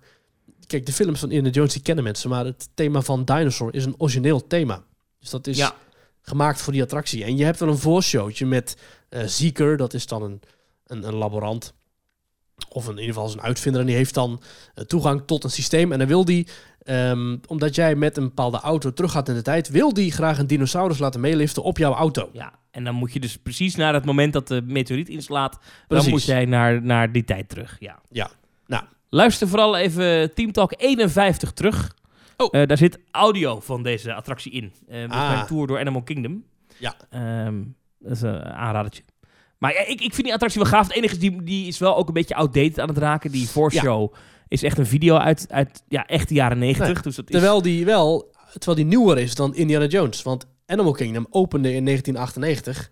En deze attractie Indiana Jones is geopend in 1995. Ja, maar dat is dus de grap. Is dat Indiana Jones, dus Ja. omdat het zich al afspeelt in de geschiedenis, ehm, Ja. heeft het, is, voelt het meer, eh, gaat het meer met zijn tijd mee dan iets wat zich op dat moment in 1998 afspeelde. Er gingen ooit geruchten dat eh Dinosaur zou worden omgebouwd tot een Indiana Jones. Wat prima zou kunnen, hè? want Indiana Jones, de IP, is van Disney en kan prima worden eh, geïncorporeerd in het Animal Kingdom thema, vind ik. Hè? Indiana Jones die Mhm. gaat eh, die op onderzoek uit in oude tempels met allemaal beestjes overal, slangen, hè? jungle. Ik vind dat het prima past binnen Animal Kingdom. Ehm, nou, je zou het naastgelegen speelgebied voor kinderen zou je kunnen uitvergroten. Het, waar je dus ook je kind kan opvoeden tot archeoloog. Dat kan prima. Nou, en bouw dan Nou, de rest van, dit- van Dino Land nog even om tot een soort Indiana Jones Land. Ik zou het prima vinden. Ja, maar dit gaat waarschijnlijk ook gebeuren. Hè. Kijk, Disney eh, is ook weer bezig met Indiana Jones. Komt ook een nieuwe film aan. Ehm, Ja. Dus, dus de, de, kans dat dit niet gaat gebeuren is klein. Dat maar zeggen. Dat, dat, dat- Gelukkig. dit is zo logisch. Dit gaat ongetwijfeld gebeuren. Als er een beetje potje geld is, dan gaat het gebeuren. En, ehm, en dan is Disneyland Parijs ook aan de beurt. Die en achtbaan is al dicht, omdat- hè? Dat, eh, dat achtbaantje in het eh, Dino Land thema is ook al permanent gesloten. Ja, en ook omdat, maar dat is een hardnekkig gerucht dat ook al een paar jaar gaat, de ruimte waar nu de show van Indiana Jones is in eh, Hollywood Studios, hè, daar heb je Mhm. die enorme stuntshow Spectacular met de Indiana Jones. Gave show trouwens. Ehm, die trouwens nu al een tijd niet speelt vanwege corona en voorlopig ook nog niet gespeeld kan worden, hoorde ik Ja. laatst bij eh, de vrienden van de Disney Dish, vanwege de afstand die de acteurs moeten houden tot elkaar. De Epic Stunt Show Spectacular. Precies, die ja. Maar dat is een enorme oppervlakte, die show. Dus namelijk dat theater. Maar daarachter zit ook nog iets. Nou, dat is een belangrijk ding, die show. Want het, eh, het heeft een enorme capaciteit. Dus dat is fijn voor dat park. Maar Hollywood Studios zit, eh, geloof ik, een beetje in eh, ruimtegebrek. Ook ze hebben dat hele eh, Toy Story Land en eh, eh, Galaxy's Edge niet zo handig gebouwd. Ja. Waardoor er blijkbaar in die hoek is het een heel waardevol stukje real estate geworden, zullen we maar zeggen. Ja. Dus het verhaal, het is wel een gerucht al een tijdje ging hoor, dat als die show ooit weggaat, dat dat de plek is waar ooit een grote nieuwe attractie gebouwd gaat worden. En dan Hmm. heb je niks meer van Indiana Jones in, in, in Nee. Disney World. Nou, dat gaat Disney natuurlijk niet laten gebeuren, want het is gewoon een populaire IP. Ja. Zeker als er nieuwe films komen. Nou, dan is het logisch als Dinosaur een, een, een, nieuw, Het eh, veld ruimt. een nieuw jasje krijgt. Eh, de attractie Ja. kan blijven staan, alleen nieuwe theming erin.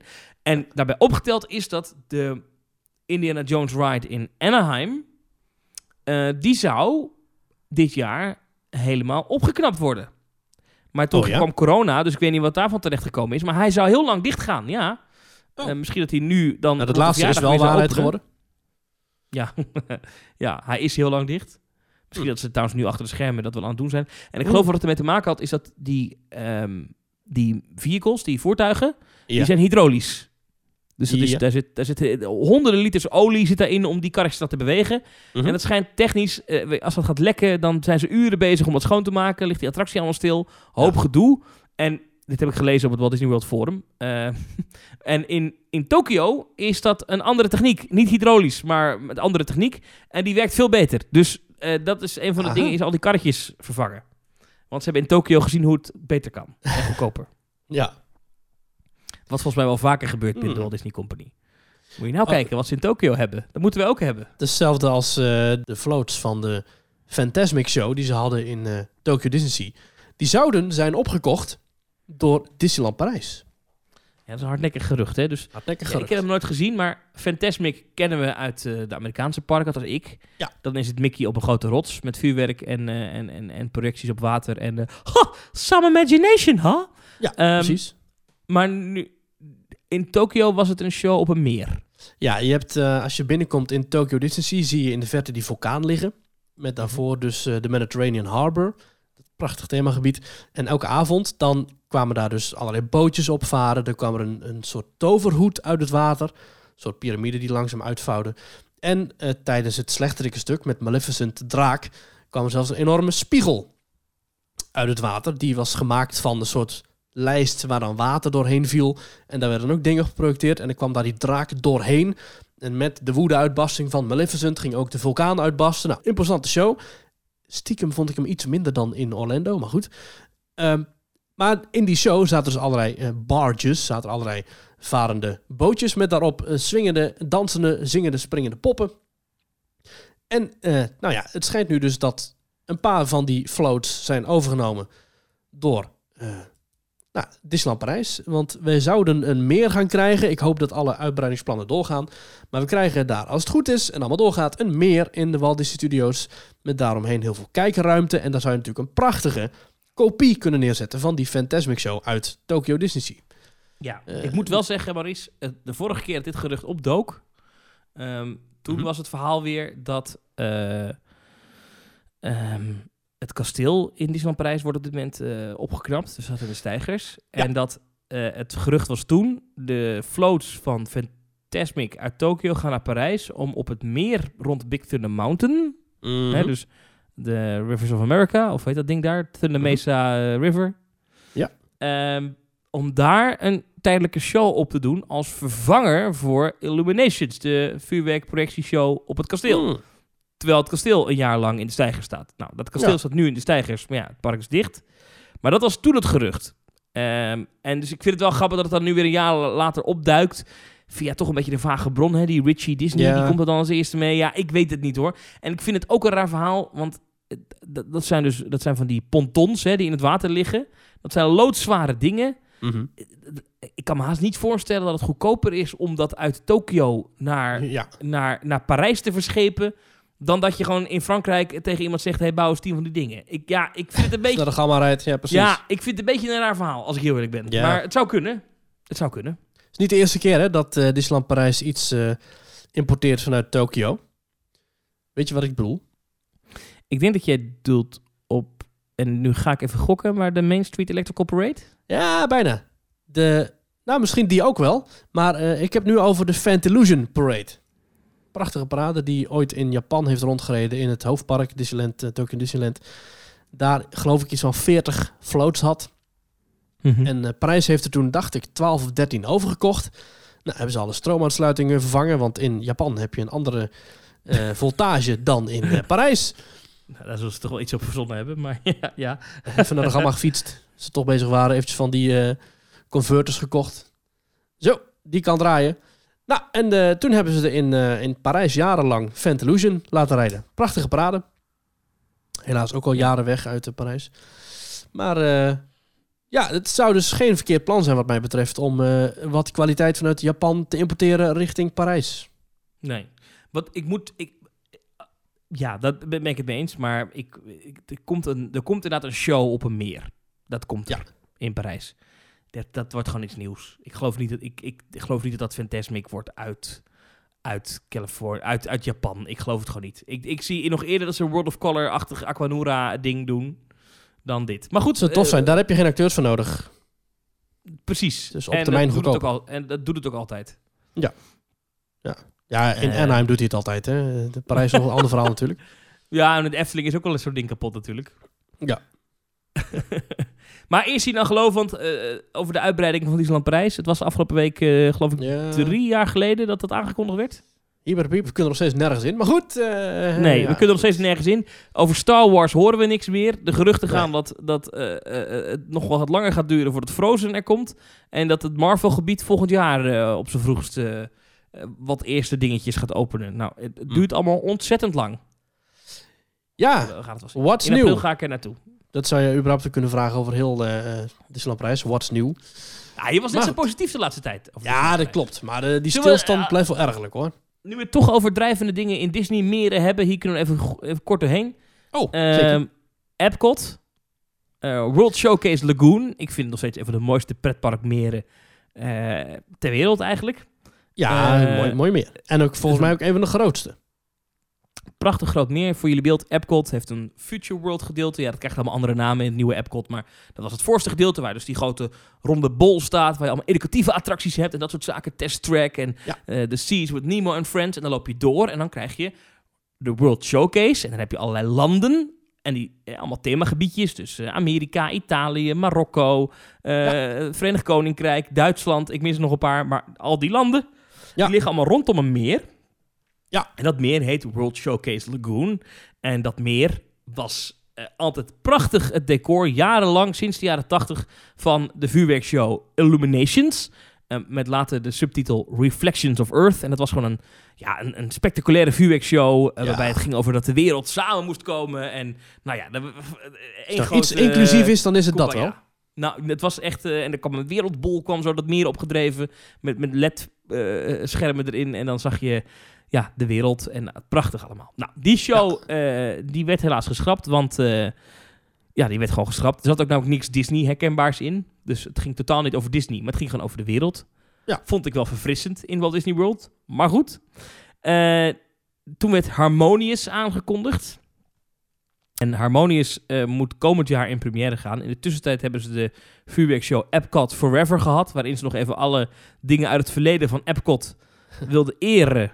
Zodat ze in de toekomst het park gewoon helemaal ver Disney kunnen maken. Overal een Goofy-sticker opplakken. Dan hebben we dat maar gehad. Ja, even de highlights eh, uit de historie. Ja, het is een beetje alsof Disney zeg maar de Efteling overneemt en dan alle sprookjes eruit mietet om te vervangen voor Disney films, maar dan nog één keer alle sprookjes laat zien. Weet je, dat is een beetje Ja. het beeld wat je moet hebben.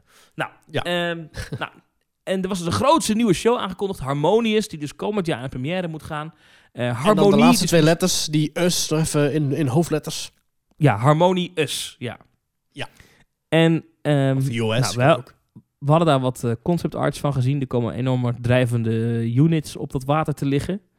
En ehm, dat zijn, me, nou, dat hadden we vorige keer al een beetje besproken, enorm grote halve ronde dingen. Maar nu een soort van enorme drijvende ring, Ja. die meer op dat meer ligt. Ja, het is afgrijselijk, Maurice. Het is een stalen gedrocht. Het is alsof er een soort achtbaanlooping op het water staat. Maar dan, ja, alleen maar dat. Maar dan Dus- van zwart staal met kabels en slangen. ja, alsof je zeg maar een soort Tomorrowland festival opbouwt op, op de vijver. Ja, en Ja. goed, ja, we moeten zeggen, het, het is nog niet af, hè, want het schijnt dat straks, als de show daadwerkelijk draait, dat je dan overdag een groot, eh, continu doorlopend waterspektakel ziet. Een soort mega aquanura op de vijver de hele dag door. zodat die enorme dingen wat uit het zicht zouden zijn. Eh, ja, het is wel zo dat alle zichtlijnen die je nu hebt, hè, dus je kon altijd prachtig kijken door zo'n Japanse poort richting bijvoorbeeld eh, Noorwegen of zo. Dat is nu allemaal, dat, dat kan allemaal niet meer. Het is nu allemaal, is het, eh, alle, alle zichtlijnen, alle sidelines zijn nu allemaal definitief eh, verpest. Dat komt ook mede omdat door de nieuwe Ratatouille-attractie en door de nieuwe Guardians of the Galaxy achtbaan en het begin van het park, staat het park inmiddels zo volgepland met loodsen en, en Sorin is natuurlijk ook een, een groot gebouw.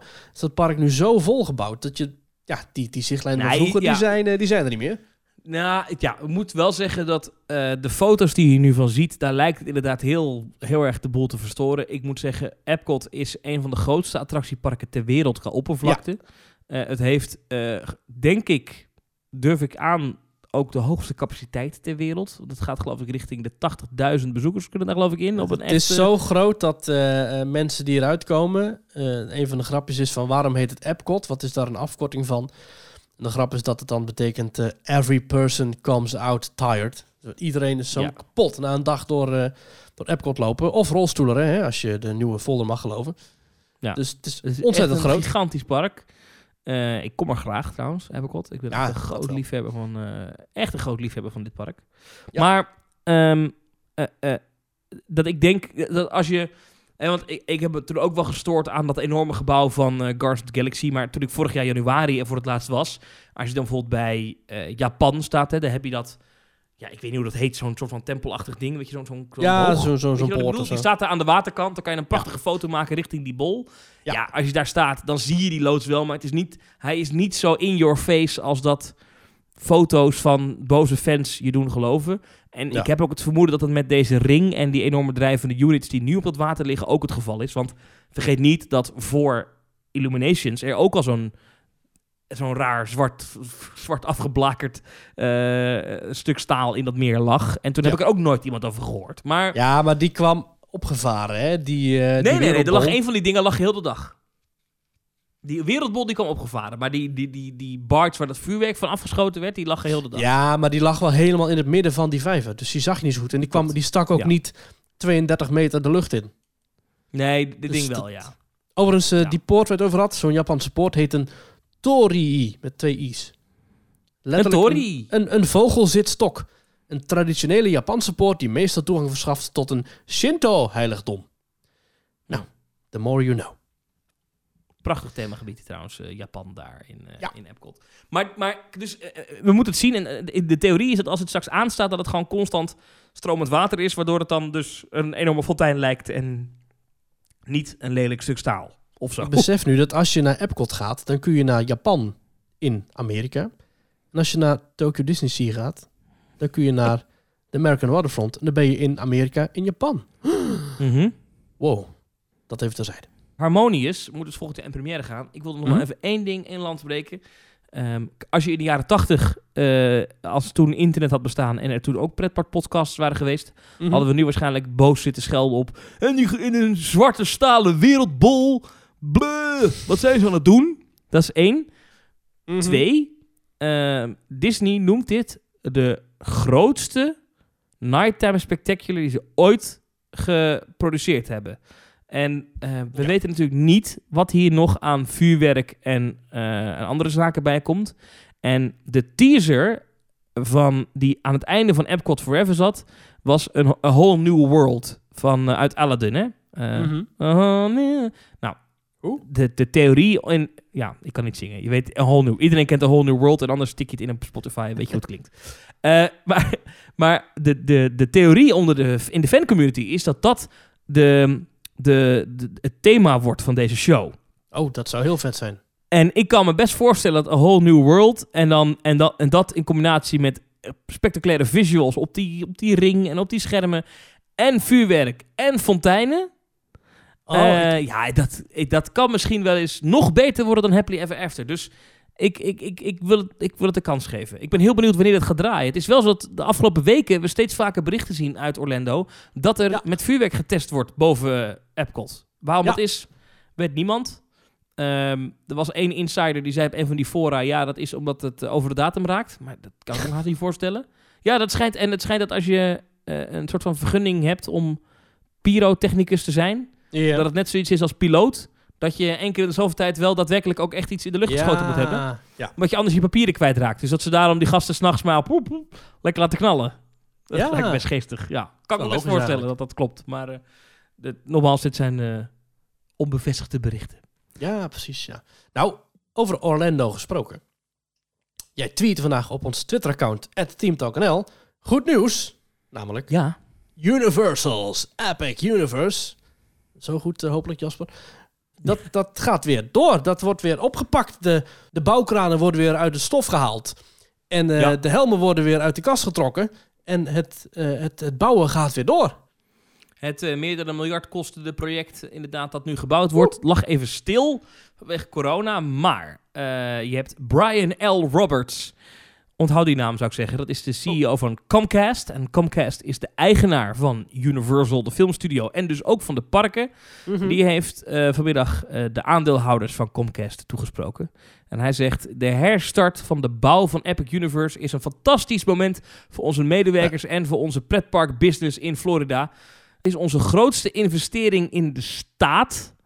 En eh, Mhm. ze zeggen: Het staat voor ons enthousiasme voor de spectaculaire parken en de economische kansen die daar gegenereerd gaan worden door dit park. En kortom, ze willen het.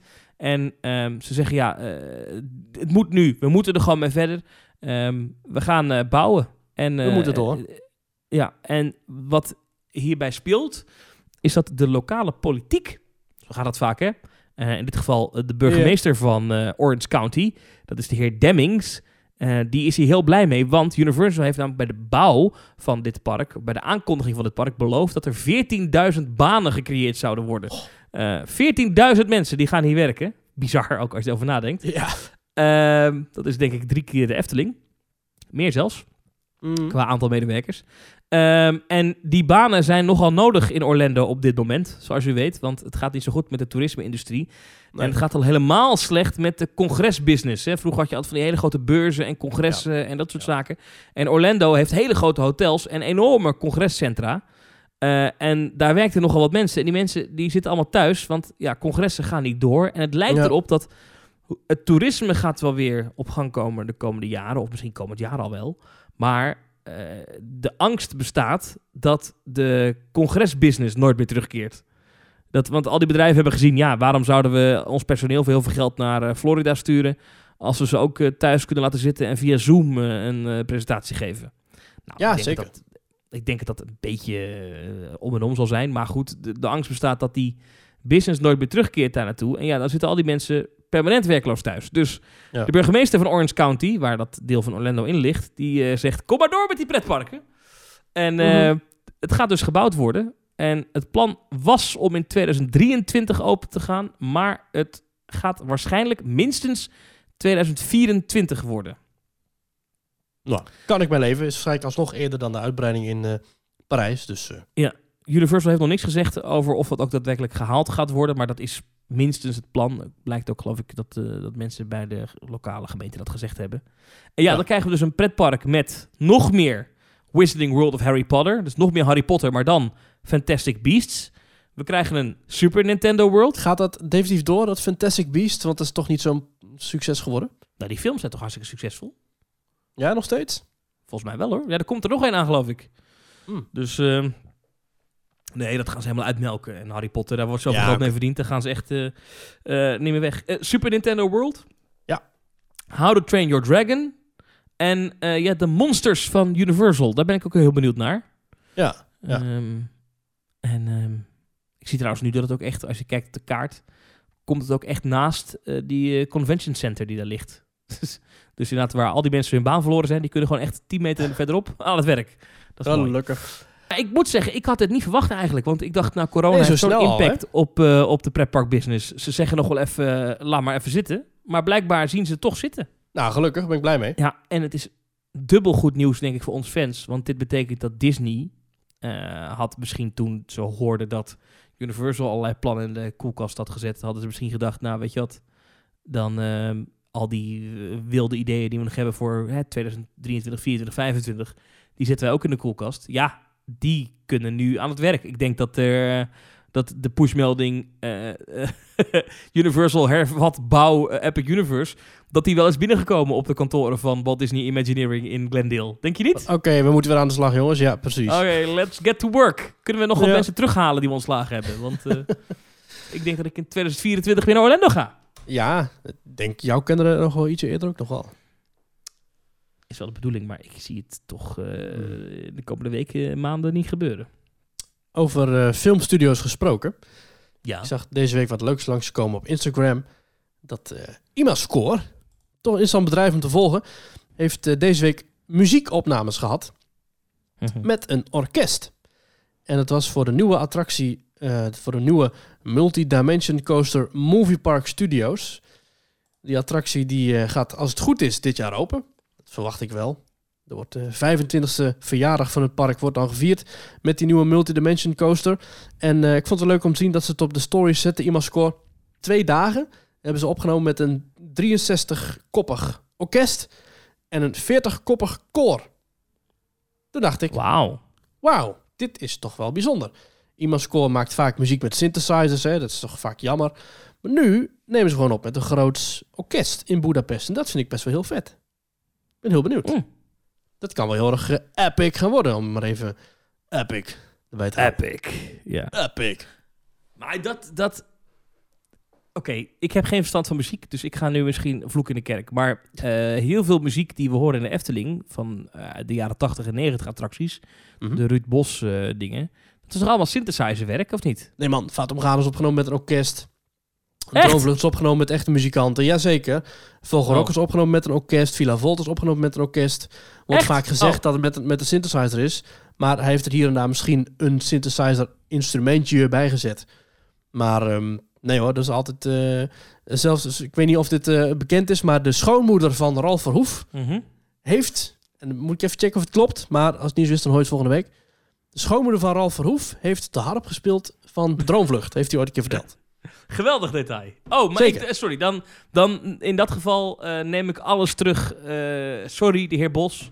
Is hij nog onder ons? Zeker, gelukkig wel. Oké. Excuses dat ik dit per abuis dacht. Ik, da- da- dat dacht ik echt. Oh, Nee, dat is allemaal prachtige orkestmuziek.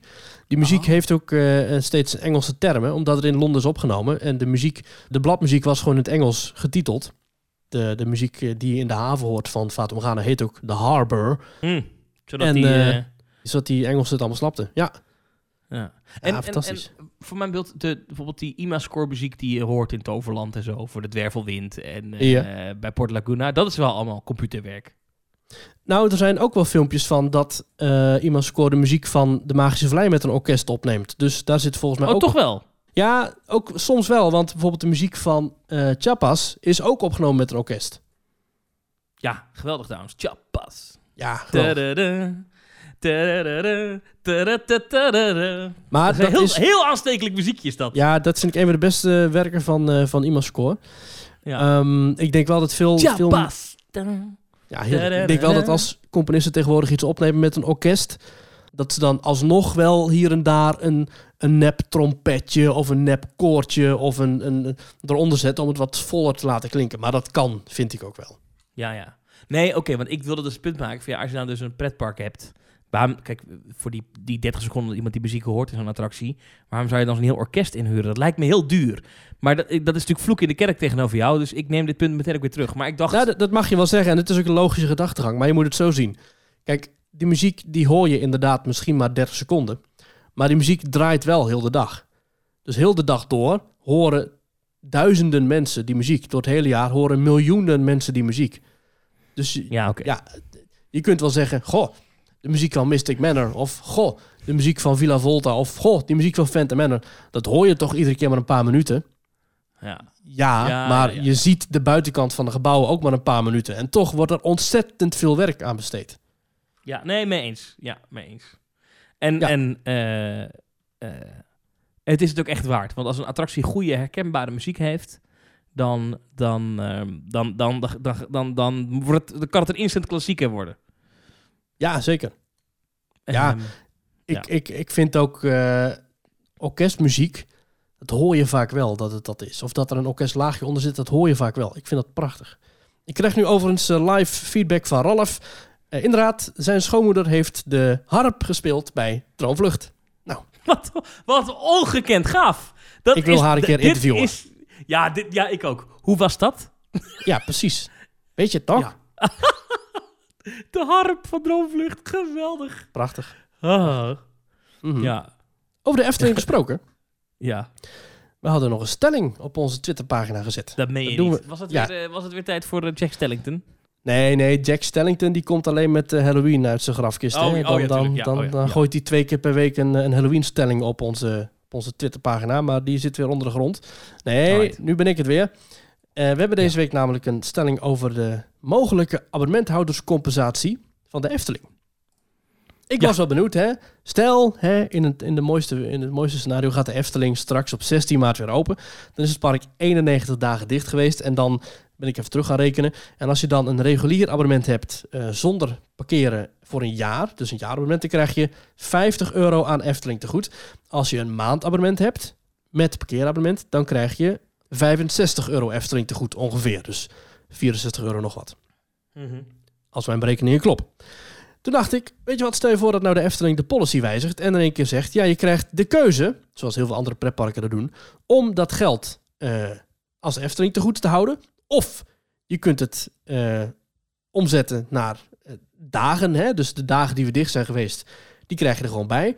Of je doneert het aan de Efteling, dus je krijgt niks, je ziet af van de compensatie. Of je wil het geld terug hebben als gewoon cashgeld in een envelopje op je rekening of onder bank 3 van boot 6 en Vader. Ja. Ja. Ja. ja. Wat nou als we dat zouden doen? Nou, daar hebben 461 mensen op gestemd. En het is prachtig en ik vind het heel bijzonder. En dat is mij ook een beetje opgevallen. Dat 50,3%, dus meer dan de helft van de mensen die heeft gereageerd, die zegt, ik kies die 91 dagen. Ik wil helemaal geen Efteling te goed op mijn pasje. Ik Wat wil is dat niet... toch met onze luisteraars dat ze altijd eigenwijs... Nou goed, ga door. Ja, nou goed, eh, eh, dus nou, iets meer dan de helft van de mensen zegt, dus ge- geef mij die 91 dagen maar extra. Ik hoef niet per se geld een pasje te hebben. Ik geef wel gewoon mijn eigen geld uit aan, eh, aan Efteling koekjes en snoepjes. Ehm 26,7 procent, dus iets meer dan een kwart, die zegt, ik hou het Efteling te goed. Dus die, die wil het Mhm. huidige systeem. Eh 12,4 procent, die zegt, ik doneer het aan de Efteling. Dus ik zie af van enige compensatie. Zeker, Sympathiek. erg sympathiek. En maar 10,6 procent, die zegt, ik wil het geld. Ik wil het als cashgeld hebben. Dus er zeggen meer mensen, ik doneer het geld aan de Efteling, dus ik hoef helemaal geen compensatie, dan dat er mensen zeggen, ik wil het geld cash op mijn rekening gestort krijgen. Ja. Maar de grootste groep? De grootste groep die zegt, ik wil gewoon die dagen. Ik heb betaald voor mijn Efteling abonnement om die Ja. dagen naar het park te gaan. Het park is 91 dagen dicht geweest. Ik zou nu graag die 91 dagen erbij willen krijgen. En dat kan Ja. ook prima als je een maandabonnement hebt. Hè, dan zetten ze gewoon die, op die momenten de betaling stop. Andere parken doen het ook, die kan prima. Dan schot je die betaling gewoon op. Eh, dat zegt Tom Segers, reageert er ook op. Persoonlijk zou ik voor de extra dagen gaan. Langs de andere kant heb ik dit jaar mijn abo deels verlengd met het tegoed. Dus dan doe je eigenlijk hetzelfde. Ja, Alleen voor de ik mensen ben die- het er wel mee eens. Ja, ja en, en de meeste je, betaalt reageren... voor een bepaald product en je krijgt iets anders. En dat vind ik heel irritant. En, eh, Ja. maar goed, ja, eh, deze discussie hebben we al vaker gehad. De Efteling gaat dat niet doen, omdat dat geld kost. Eh, dat kost meer dan eh, het als te goed geven. Want als je het als te goed geeft, dan kopen mensen er producten voor in de Efteling. En die inkoop is natuurlijk laag. Hè? Als jij voor 3 euro een frikandelbroodje gaat kopen Mhm. eh, bij, eh, hoe heet het, horecapuntje, ook alweer in Sprookjesbos. Eh, Kleine Klaroen. Kleine Kroen, precies. Eh, dan kost dat de Efteling 80 cent. En eh, als jij eh, de dagen extra krijgt, stel je krijgt 91 dagen extra op je abonnement, dan, duurt het, dan kost het de Efteling in die zin dat ze dan 91 dagen later pas geld weer krijgen van jou. En dat kost meer dan die 80 cent. Dat is, het- dat is, dat is Ja. natuurlijk de rekensom die ze gemaakt hebben. En ik snap het dat ze het doen, maar ik had toch liever de optie gehad. En dan had ik misschien alsnog voor te goed gekozen. Maar ik vind wel dat Ja. je me de optie moet bieden. Ik, ik kan me nog voorstellen dat ze zeggen, we geven drie opties. Dus je krijgt het geld gewoon niet terug, maar we hebben drie opties. Je houdt het Efteling te goed zoals nu. Of je doneert het aan het park. Of je krijgt die dagen. En dan zou ik of denk ik gewoon gaan voor de dagen. niks. Ja, niks. Ik houd het Efteling Als te we goed. dat kunnen doen. Ja, eh, pandemie kunnen we niks aan doen. Sorry. Oh, wat geld terug hebben. Hier is het eh, telefoonnummer van Mark Rutte. Ga niet aan bellen. Dan heb je Ja. de optie, doneer ik aan de Efteling. Ja, Dus die precies. zou je dan ook Ja. hebben. Oh, je wil geld terug. Dat is leuk. Wij ook. En nou wegwezen. Dat kan je ook doen natuurlijk. Ja. Nee. Nou, opvallende uitslag. Doe ermee wat je wil. Maar ik vond het leuk. Opvallende uitslag. Ehm, Hmm. Welke snack ga je als eerste kopen bij dat geld op je pasje? Oh, ik denk, ik denk een ijsje. Want ik hoop dat als we daar lopen, dat het dan gewoon lekker weer is. En dat we dan gewoon een lekker softijsje kunnen pakken. Ja. En dan doe ik smiddags een softijsje. En dan nog eh, een lekker cappuccinootje tussendoor. Of een ijsje koffie. En dan s'avonds een pannenkoek Ja. bij Polles Keuken. Of ergens. Ja, ik trakteer jou of- op een diner pannenkoekjes. Oh, lekker. Maar- en, dan gaan we, en dan bestellen we er twee. Niet, want ik vind iedere keer Polles Keuken... Ja, één pannenkoek is geen maaltijd, mensen. Dat is een snack. Dus, ja dat de- klopt. dus Maar dat is- ze- dan, nee, maar dan zetten we vier pannenkoeken op tafel. En dan splitten we die. Dan, dan kan je dus vier smaken proeven. Ah. Leuk, hè? Ja, gaan we doen. Ik trakteer. Ja, maar dat je daar zo weinig eten krijgt, is daar de policy, hè? Ja, ik, had, ik had twee woordgrappen Ja. over Polles Keuken. Dit was de beste. Dus eh, Welke was de andere dan? ja, dat, dat, dat zeg maar dat, eh, dat de Efteling zit inmiddels zo slecht met de financiën dat inmiddels de Belastingdienst heeft eh, beslag gelegd op Polles Keuken. ja, misschien was hij toch wel beter. Ik, eh, ik eh, even pannenkoeken anekdote tussendoor. Mhm. Je hebt eh, bij de Albert Heijn, of ja, Heel bij- plat bij ook, heb je ook eh, ehm, van die flessen, waar zit dan al een beetje poeder in. En dan moet je Oh, dat is mooi hè? Daar koop je gewoon een fles met lucht en een beetje poeder. Ja, en dan moet je dan water of melk bij doen. En dan schudden. En dan, dan heb je pannenkoek op beslag. Top. Dus ik had, er, ik had er twee gekocht. Want zonder de twee. Je had naturel. Dacht ik, goh. En op naturel stond heel groot. Zelf toevoegen, dubbele punt, water. Mhm. En daarnaast van hetzelfde merk stond ook proteïne pannenkoeken. Toen dacht ik, ik ben een sterke man. Ik neem ook proteïne pannenkoeken. Brr. Ja. Dus ik eh, koop die ook. Dat is dan goed voor de spiertjes en zo. Mhm.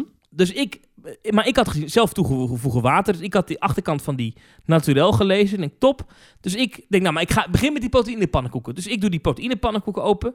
En eh, ik, eh, ik schud. Ik, ik water toe tot aan het streepje. Ik doe dicht. Ik schud. Ja. Ik heb pan op het vuur staan. Olie erin. Helemaal toppie Ik giet dat spul erin. En een hele rare reactie.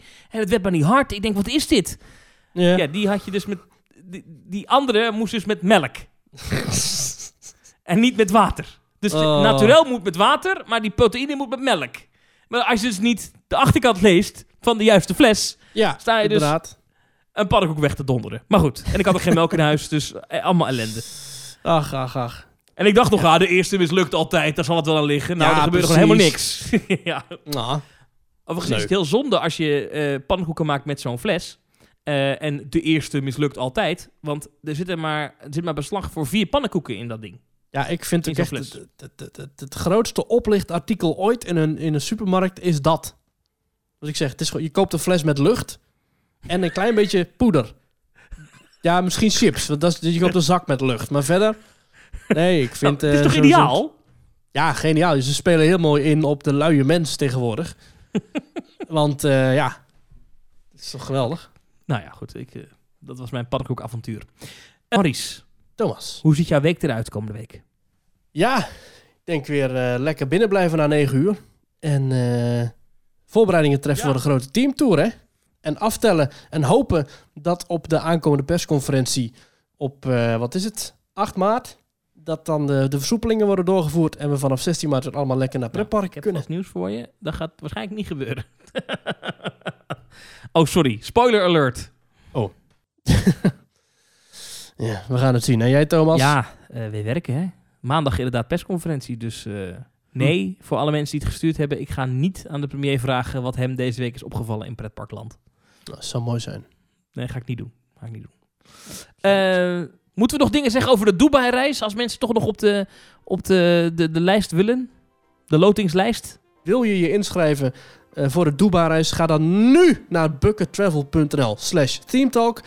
Laat daar gegevens achter. En eh, wellicht zien we elkaar dan in Dubai. En wanneer moet je dat doen, Maurice? Dat moet zo snel mogelijk, maar sowieso nee, maar wanneer voor... zei je nou net? Nou, dat moet nu! Ja. ja, dus niet straks, niet volgende week, maar... Nu! eh teamtalk.nl slash reageren. Stuur vooral een mailtje in met leuke vragen of opmerkingen of dingen. Gaan we het er volgende week over hebben. Ja, Thomas, ik vond het weer gezellig. Ik zeg tot volgende week. Tot volgende week. Nu!